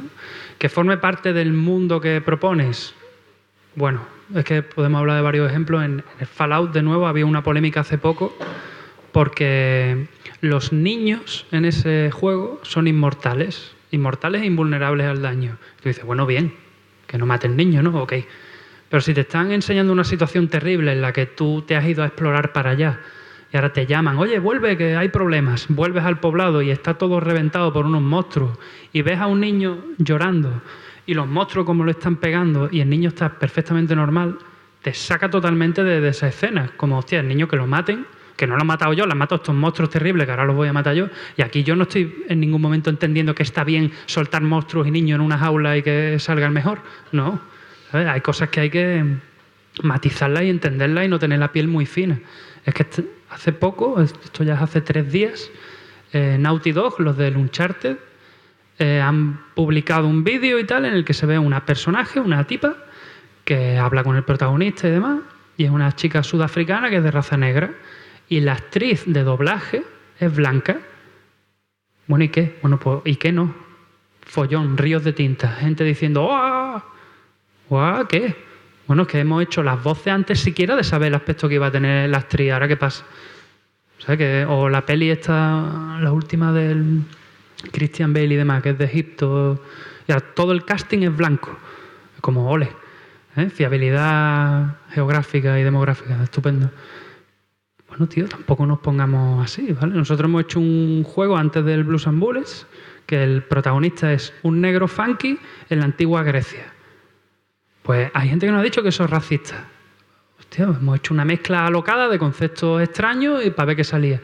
No me estoy metiendo con los negros. A los negros les gusta el funky, pues igual que a los blancos. ¿Qué, me estás contando? Bueno, pues hay gente que se ha molestado con eso. Ahora, en el, es que cuando intentas hacer lo opuesto también te, te dan. En Blues and hay un personaje femenino que es el interés romántico del protagonista y demás, y es una mujer fuerte, independiente, una mujer estupenda, realista, normal, con sus problemas y demás. Y hay un par de conversaciones con el protagonista que ha sido alcohólico, entonces te trata de una forma en plan, pavo, me has hecho daño, te has portado mal conmigo, así que cuidadito. Bueno, pues esa escena nos la han criticado así. En plan, es que esta tía es muy... ¿Qué quiere? ¿Que se abra de pierna la primera con el protagonista? Esto, ¿qué, qué- qué estamos hablando? ¿Cómo te vas a quejar de esto? No, es que una mujer y es muy fea. Tío, es una mujer normal, realista. De, hecho, es Kate Blanchett. Decirle fea a Kate Blanchett es de delito también. Macho, eh, o sea, es que no estáis contentos nunca, ¿sabes? Entonces, por un lado, hay que respetar las razas, etnias, culturas, religiones, claro, memoria histórica, que sí. Pero tampoco nos volvamos locos con, con tener a todo el mundo contento porque siempre se te van a quejar de algo, siempre. GTA, el clásico de los clásicos de este tipo de cosas. Si una de las mecánicas del juego es que puedo sacar un arma, del tipo que sea el arma, desde motosierra hasta dildo gigante, y pegarle a lo que tenga delante, pues si hay un subnormal que coge a una prostituta, le paga, tiene un servicio con ella y luego la mata y le quita el dinero, la culpa que es del juego del chaval que está tarado. Es del chaval, macho. Que la mecánica se la podrían haber ahorrado. Pues también. Pero de verdad hace falta decir que entonces los que hacen los juegos, pues que los políticos estadounidenses han tirado de aquí tela. No, es que están intentando demonizar a la gente, que nos volvamos todos hechos una- unas bestias. Tío, eso es un poco de sentido común también. Obviamente, hay gente que tiene la piel muy fina y hay ejemplos a mogollón. Si, por ejemplo, en el ejemplo de GTA solo le puedes hacer eso a una prostituta y, en cambio, cuando pasa un hombre de traje y corbata, varón, un wasp de toda la vida, no se lo puedes hacer, ahí hay un problema. Si se lo puedes hacer, bueno, igual el problema es que hayas implementado esa opción en general. No será un problema de sexismo, será un problema igual de violencia. A lo mejor, ¿eh? Si es que hay un problema. Estoy de acuerdo en que es demasiado violento. Ya, Pero digo, el problema pero- también es que dejan a niños de 12 años que se compren ese juego. Pero cuando el problema se cierne siempre sobre que, por ejemplo, el casting que comentabas, todos los actores son blancos, y cuando eso no se da en una película, sino en 15 o 20, y el caso contrario no se da, yo creo que ahí sí que hay un problema y hay que actuar sobre él. Sea en el cine, sea en los videojuegos, sea en los juegos de mesa, o sea, donde sea. O sea, el problema con el sexismo, que es el tema inicial, viene porque se suele tratar peor a las mujeres que a los hombres. Obviamente habrá alguna situación en la que un hombre salga mal parado, seguro. O sea, la estadística nos dice que debería pasar. Pero cuando le pasa 100 veces a una mujer y una vez a un hombre, hay un problema grave. Es un problema que no es solo de los juegos o del ocio similar. Es decir, con el tema de la violencia de género hay mucho debate. Siempre que se dice que mueren N mujeres al año, siempre hay alguien que dice, y también hay tantos hombres asesinados. Ya, pero cuando la diferencia es de 1 a 100, igual el problema sigue siendo uno, no el otro. Estic d'acord con eso. No, un últim apunt. Jo separaria molt entre, i aprofitant que veig que molt dieu que alguns d'aquí sou creadors, separaria molt entre mecàniques i, i estètica. És a dir, tots sabem que tu pots implementar unes mecàniques i aquestes mecàniques vestir-les amb una estètica o amb una altra. Uh, poso, per exemple, el videojoc Splatoon de Nintendo. És un videojoc que és un shooter, que és un shooter que podria ser amb una altra estètica un Call of Duty, però que on es dispara, on es dispara pintura. I per tant deixa de ser un joc violent, deixa de ser un joc gore i passa a ser un joc doncs, col·laboratiu, estratègic, uh, bla, bla, bla.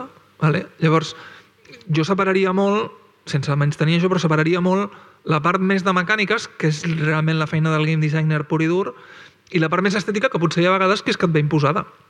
I t'estan demanant això. I aleshores, bueno, simplement podem jutjar l'estètica tant com vulgueu, però també podem jutjar la programació de Telecinco.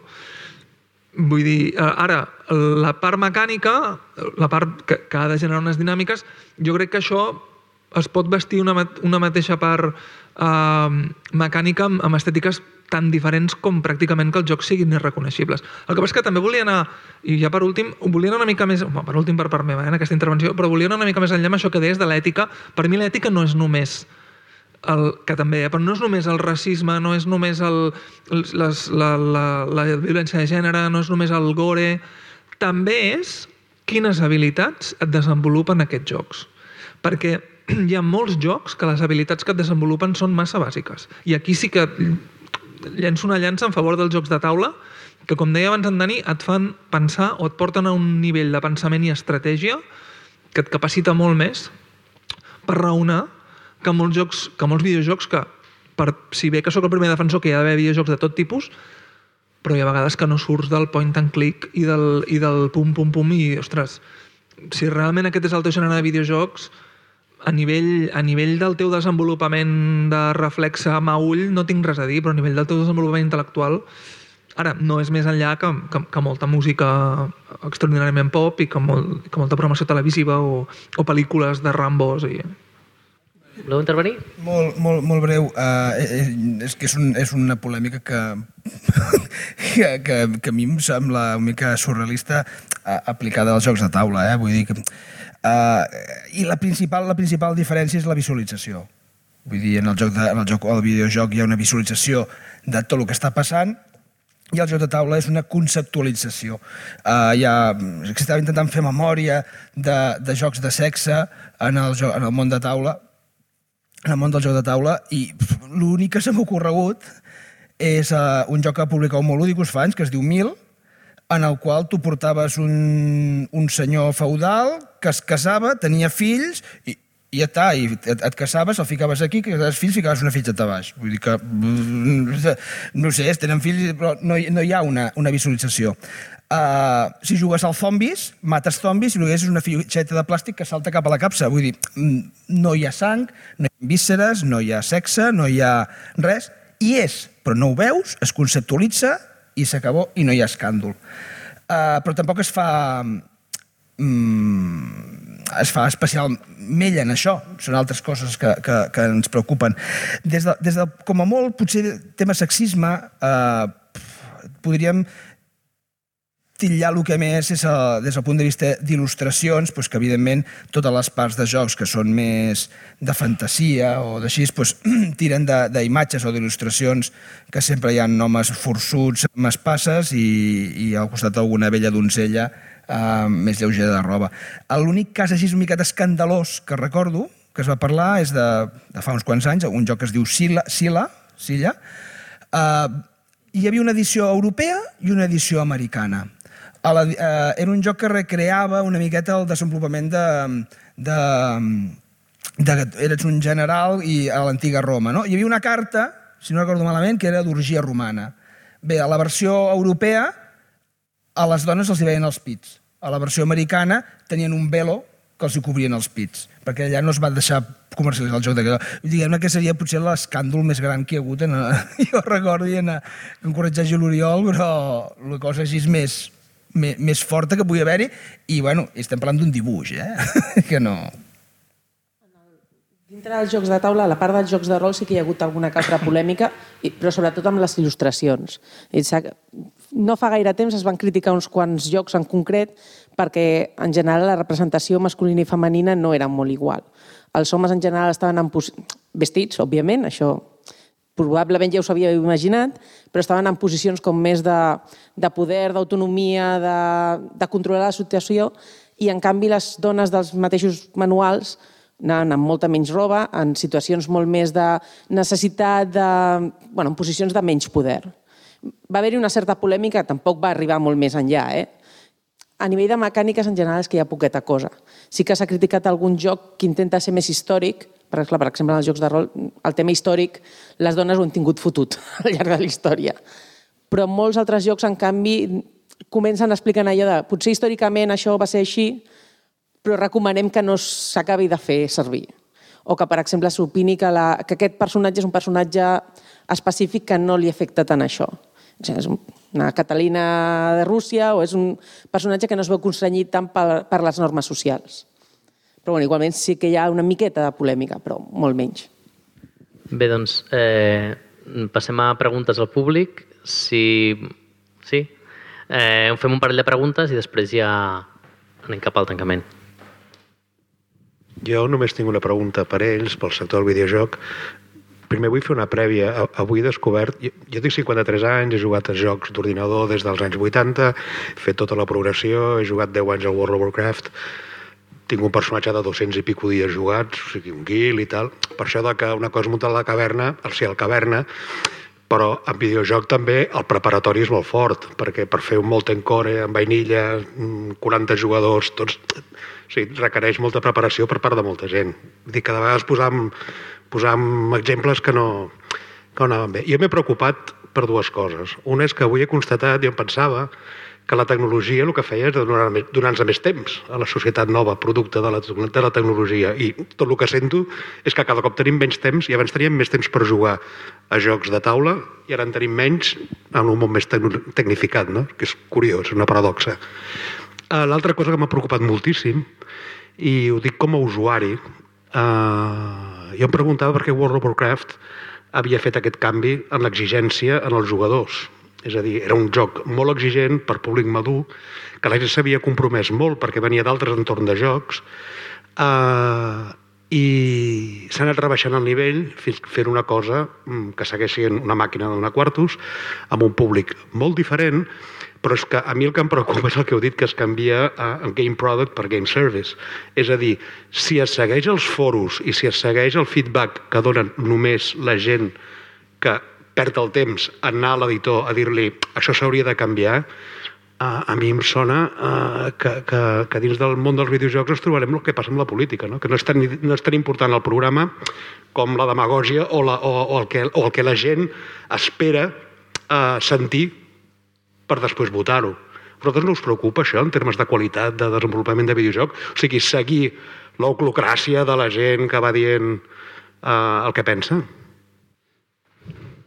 Sí preocupa, sí, porque mm, cada uno de nosotros tenemos un, nivel interno eh, en el que caes en el apagafueguismo. Es decir, no es divertido, cambiémoslos mañana. Espérate, que te lo ha dicho un tío. Vamos a esperar a que te lo digan 50 y entonces tomamos una decisión.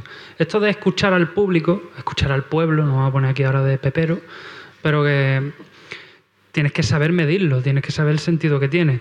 O sea, si lo utilizas bien, es mucha información que te sirve de estudio de mercado. En plan, vale, de todos estos cambios que proponemos, ¿cuáles piden los usuarios? Porque el cambio que se ha hecho en World of Warcraft, por ejemplo, es que inicialmente World of Warcraft viene de la gente del Warcraft, que es, un- gente muy hardcore de juegos estratégicos y demás. ¿Qué pasa? El coste de servidores, el potencial del producto que ven que puede tener. Dicen, oye, si lo rebajamos un poquito, pero también dejamos capas de complejidad para que los que quieren meterse bien profundo también puedan, atraemos a más gente, más cuotas mensuales, más billetazos. Vale, vamos a hacerlo. Y luego empieza ya el tema del servicio. Pero aquí las cosas no se hacen. O sea, no abre un tío un hilo y dice, quiero que los elfos puedan volar. Y al día siguiente vuelan. Eso no va así. Pero cuando 500.000 usuarios te lo dicen y en tus cifras de ventas ves que hay 150.000 eh, mensualidades menos, bajas de usuarios, hostia, pues igual tenemos que hacer algo pa- para los que están, tenerlos más contentos o para si la idea pinta bien, atraer a nuevos usuarios. Y habrá un comité ahí ejecutivo y creativo que valorarán y verán qué hacen. ¿Da miedo? Claro. O sea, en catalán se hablaba mucho mejor hace antes de TV3 Mm. que ahora. O sea, la estandarización, TV3 eres tú, ¿no? la, la estandarización hace que más gente hace que más gente lo hable, pero la gente lo habla peor porque tiende hacia un mismo paradigma. Claro, en términos de experiencia de juego, esto en los videojuegos a mí me no es que me sorprenda, pero es que ah, el perfil de jugador ah, ha cambiado ha cambiado con el tiempo. Yo consumía pues quizás cinco juegos, seis juegos distintos al año en los años 80-90 y ahora hace 10 años que es el mismo cambiando los números romanos de una marca de otra o de otra. Hay el shooter, hay el... O sea, es exactamente el mismo juego, para entendernos. A mí como consumidor de videojuegos, soy editor de juegos de tablero, ¿eh? pero a, mí me preocupa porque ah, no... ah, como experiencia no aporta nada y más si se tiende a homo- homogeneizar y hacerlo más sencillo para más gente. Ah, mm. Ahora mismo la única esperanza a nivel de originalidad y eso son, se dice, los juegos indie. Porque los juegos premium, los AAA y demás, tienen tanto coste para generarlo. GTA fueron 550 contando marketing. ¿Qué te la vas a jugar? Pues vas a lo que sabes que funciona y ejecutas y, y coges caja. Entonces los que gastan menos arriesgan más. Pero un inversor, según cuánto te pongas, quiere uno de vuelta y no quiere riesgo, quiere ganancia. Si detectas, si detectas que hay gente que está pidiendo una experiencia única, por ejemplo, quiero un roguelike táctico con elementos random que recuerda el sistema de cartas de- del Dungeon Riders, con tiradas de dados, con... Hostia, ¿y cuánto lo piden? Hay un clamor popular, pues, tío, vamos a hacer lo que hay un estudio de mercado que gastándonos menos de 300 millones podemos sacar pasta de un grupo de gente que quiere este juego.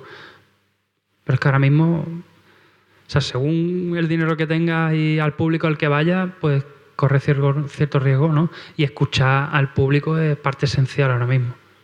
O sea, hay que saber discernir la paja del sueño del fanboy de, con algo realizable realmente para el juego y si suma, pues ejecutarlo. Mi sensación desde fuera un poco, porque yo también he jugado bastante videojuegos, pero llevo bastante desenganchada, sobre todo porque mi ordenador no, pobrecito, es muy viejo, es que los videojuegos están eh, polarizando en dos extremos. En el videojuego muy sencillo, muy rápido, lo que decíamos antes de los dispositivos móviles, y el videojuego muy complicado de hacer, muy largo, muy costoso, los GTAs y demás, y que la parte de en medio, ese, ese juego que antes podías llegar a comprarte, que estaba bien, que igual no era la leche, pero que lo jugabas con ganas, eso va desapareciendo cada vez más, ¿no? La has clavado con lo de la politización esta, porque es como la clase media trabajadora que ya no existe, ¿no? El- la diferencia es el marketing. La diferencia es la pasta que se pone para que todo el mundo sepa que existe. Un juego freemium, solamente usando las redes que tienen otros juegos freemium, si el juego vale, está bien, con otros juegos que están funcionando, eh, negocias un porcentaje en base al número de visualizaciones de anuncios, de in-app purchase o lo que sea, y lo consiguen meter en la red. Y ya si funciona, pues funciona. Esto es estadística, tablas y estudio de mercado y monetización. Los juegos AAA, los juegos de mucha pasta, parte de ese pastel enorme de dinero es marketing. ¿Para qué? Para que todo el mundo sepa que ese juego está. Call of Duty sale, lo peta. GTA sale, lo peta. Los juegos AA, que no son ni lo suficientemente gratuitos porque valen algo de dinero, ni lo suficientemente gordos como para valer 70 pavos, están en agua, en tierra de nadie. Bueno, algunos Call of Duty re- rehacen el, sistema del motor de físicas y cosas así. Hay otros que hacen más de lo mismo, cambian los gráficos. De hecho, algunos Call of Duty reutilizan animaciones de cinemática de un tío que se cae por una explosión, es la misma de un juego a otro. Bueno, es que si no lo hicieran como desarrollador te diría que son tontos. Lo tienen que hacer. Pero el usuario, bueno, quiero algo nuevo. Y alguien te podría decir por debajo, es lo mismo pero con otros gráficos. Da igual. Yo en mi dinero me lo quiero comprar. Y hay mucha gente que va a eso. La diferencia del alcance que tienen este tipo de productos es el marketing. Sí que creo que hay gente que quiere esos juegos término medio, que sí, sí pueden ser un poco más de autor, tienen que pueden tener algún detalle original y demás. Pero eso funciona a una escala mucho menor, mueven mucho menos dinero. Aunque también es cierto que suelen costar mucho menos dinero. Aquí me podría pegar un rato porque mi juego actual es eso, está en el término medio. Y el problema que estamos teniendo es marketing.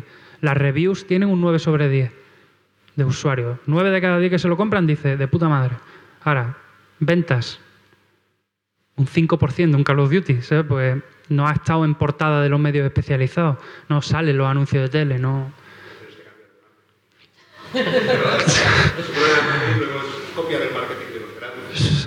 ¿Tú, tú me dejas 150 millones de euros? si no, tenemos un acuerdo aquí rápido, ¿eh? Me refiero, es que es difícil, es que hay una condición en el juego que... Luego hay juegos que de este término medio que salen, caen en gracia, a la gente le gusta, una alineación de astro, Cthulhu se asoma un poco y lo consigue. Pero hay otros que, que quedan en el olvido. Por suerte no arriesgan tanto como los que se gastan muchísima pasta. Bueno, eh, vamos, estamos rebasando el tiempo, así que... Eh, Roger?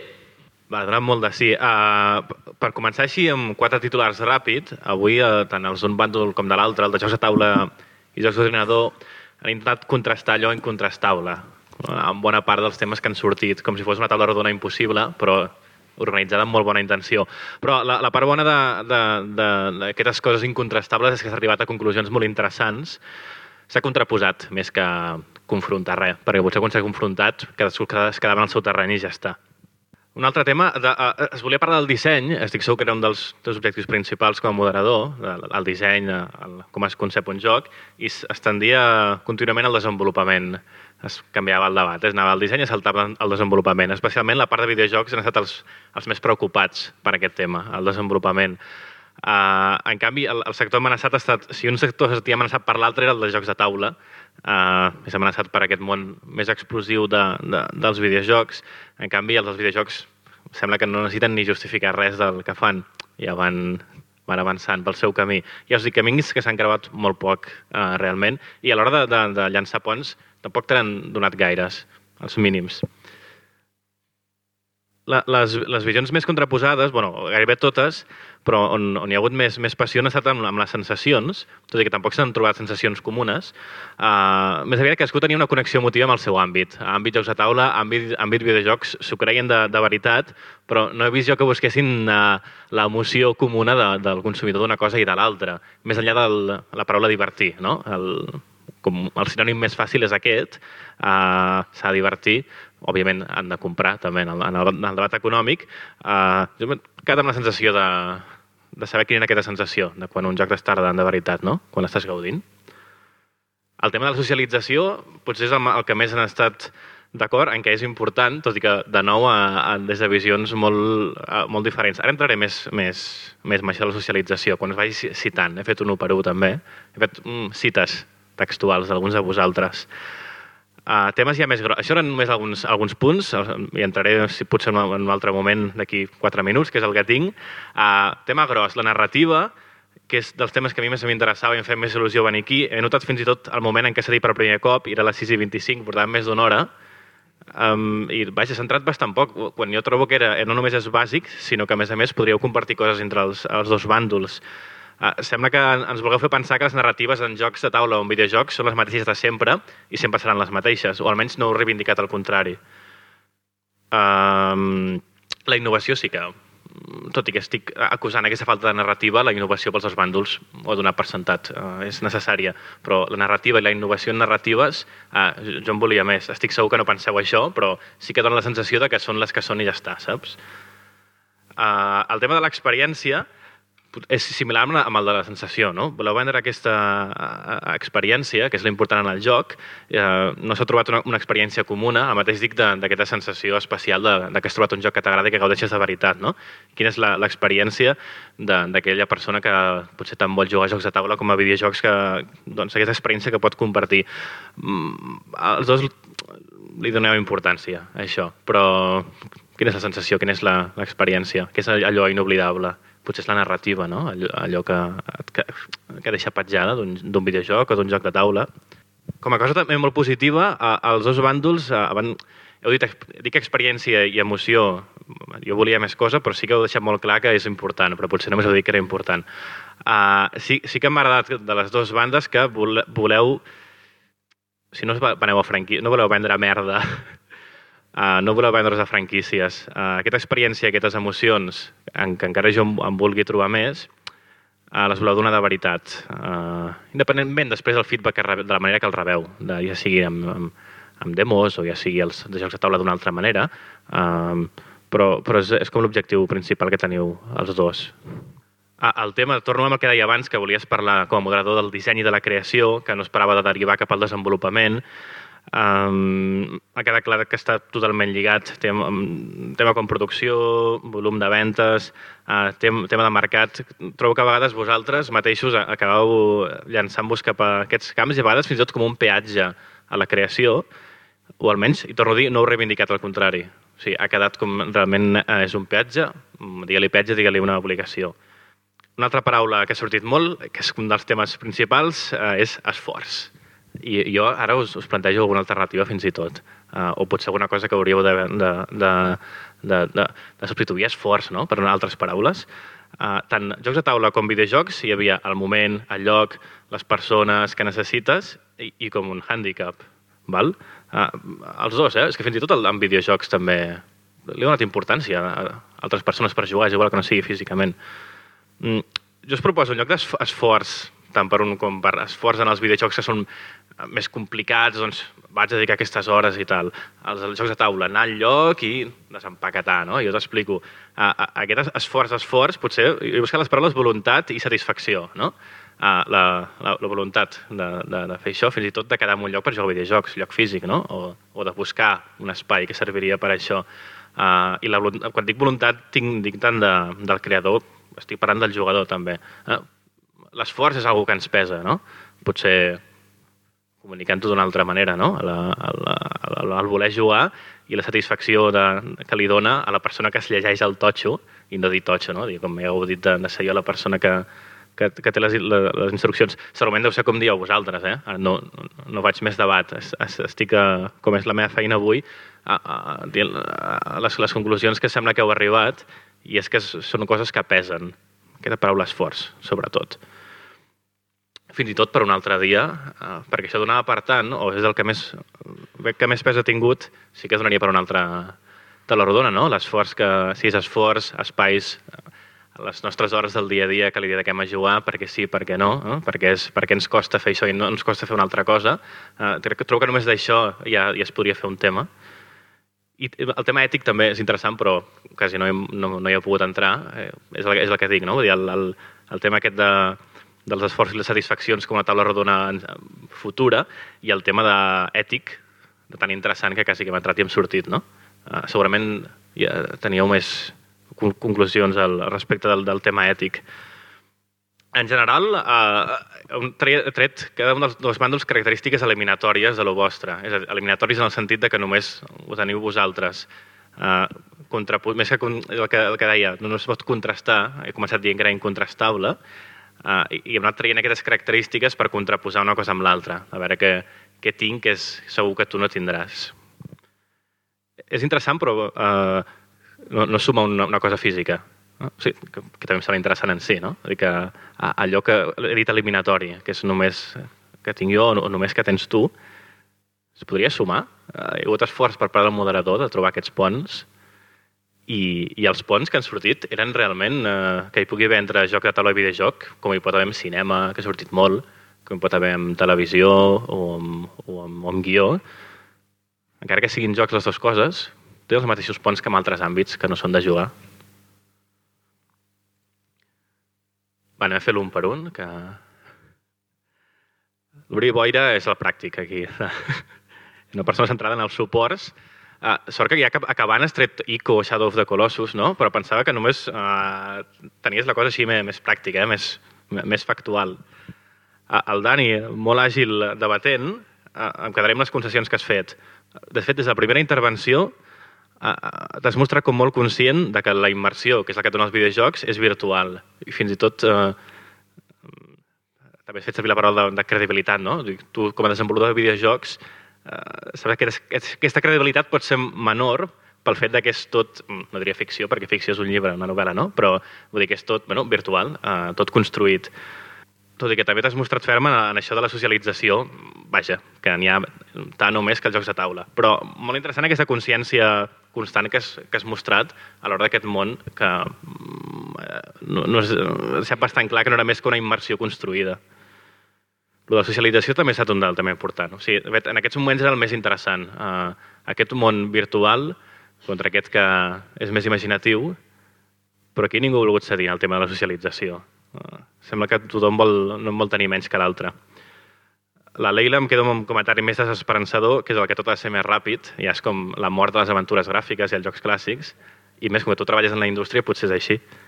Eh, El tema de la imaginació i la creativitat, la Vanessa se l'ha quedat més, i a més crec que per part tant del dissenyador com la persona que està jugant, uh, i em sembla que és la, la que ha donat més sobre aquest tema que sumat amb la narrativa és el que potser s'ha s'ha quedat més de, de banda.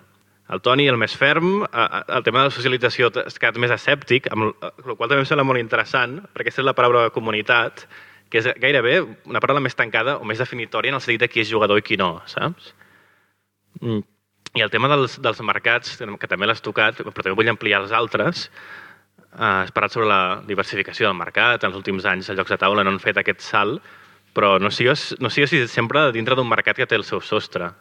Amb, mm, és a dir, no per fer més jocs a taula hi haurà més jugadors, oi? És, és, és curiós el, el, tu com l'has definit, el, aquest teixit. O potser tu l'has concretat encara més eh, que, que els altres eh, companys que ens, que ens acompanyen de com són els jugadors. No, no com són, però probablement la seva existència. No? Si realment és divers, si és un mercat, si és un mercat que, que s'acaba. El dels videojocs, que són els més preocupats del desenvolupament, mm, no han tocat en cap moment si realment hi haurà més jugadors de videojocs o n'hi haurà menys. O potser jo crec que estan convençuts que sempre hi seran, però no sempre els mateixos. En número, dic. I el PAC, doncs, instal·lat en el seu món dels jocs de taula, eh, has mirat tots els videojocs com un espectador, com els, com els, com els asseguts. O sigui, com curiós. Uh, el fet, uh, he parlat abans amb ell i està fent un joc, estàs fent un videojoc. I això que és, és l'altre univers, no? Però vull dir, segurament hi has arribat com, com a espectador i com avui preguntaves també has hagut d'anar preguntant. Ara entraria a les conclusions, el, el, els hi posaré una paraula en cada un dels dos bàndols, el, de, el dels videojocs estan convençuts que tenen la força i els de jocs de taula que tenen la superioritat. Estan una mica conceptes també de, de jugar. Cap dels dos vol entrar gaire, excepte aquest detall que he dit, no, no, vol trepitjar el terreny de l'altre, defensa el seu, però sense cap intenció de trepitjar del jardí.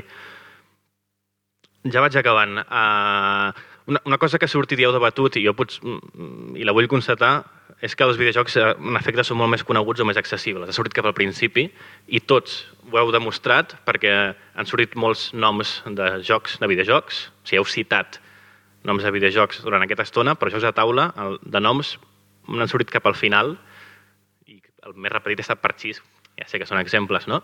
però de, com a noms de videojocs n'han sortit uns quants durant aquestes gairebé dues hores i, i no jocs de taula. Al final s'ha anat convertint tot més en una relació amb el, amb el videojoc. Per això dic que potser és un sector més amenaçat, tot i que vosaltres podeu viure sols. No? Els videojocs sí que es creuen que tenen la més la força i la potència, però jo trobo que sempre us, mi- us miran de, de reull. Potser al revés no us cal. Llavors, si vaig al títol, com que és una pregunta, com una bona taula rodona, una pregunta és interessant... Sí, me l'acosto? Ui, no et sento, tio. Sí, sí, t'apareu. Uh, la, pre- la pregunta de la, de la taula rodona d'avui era diferentes herramientas, bueno, no sé, en castellà, segurament està. Diferentes herramientas, diferentes creaciones, i jo trobo que són totalment diferents. I em remeto al que he dit dels ponts que tu buscaves, que no són més que el, el que hi pot haver en altres àrees de, de l'oci o del coneixement humà.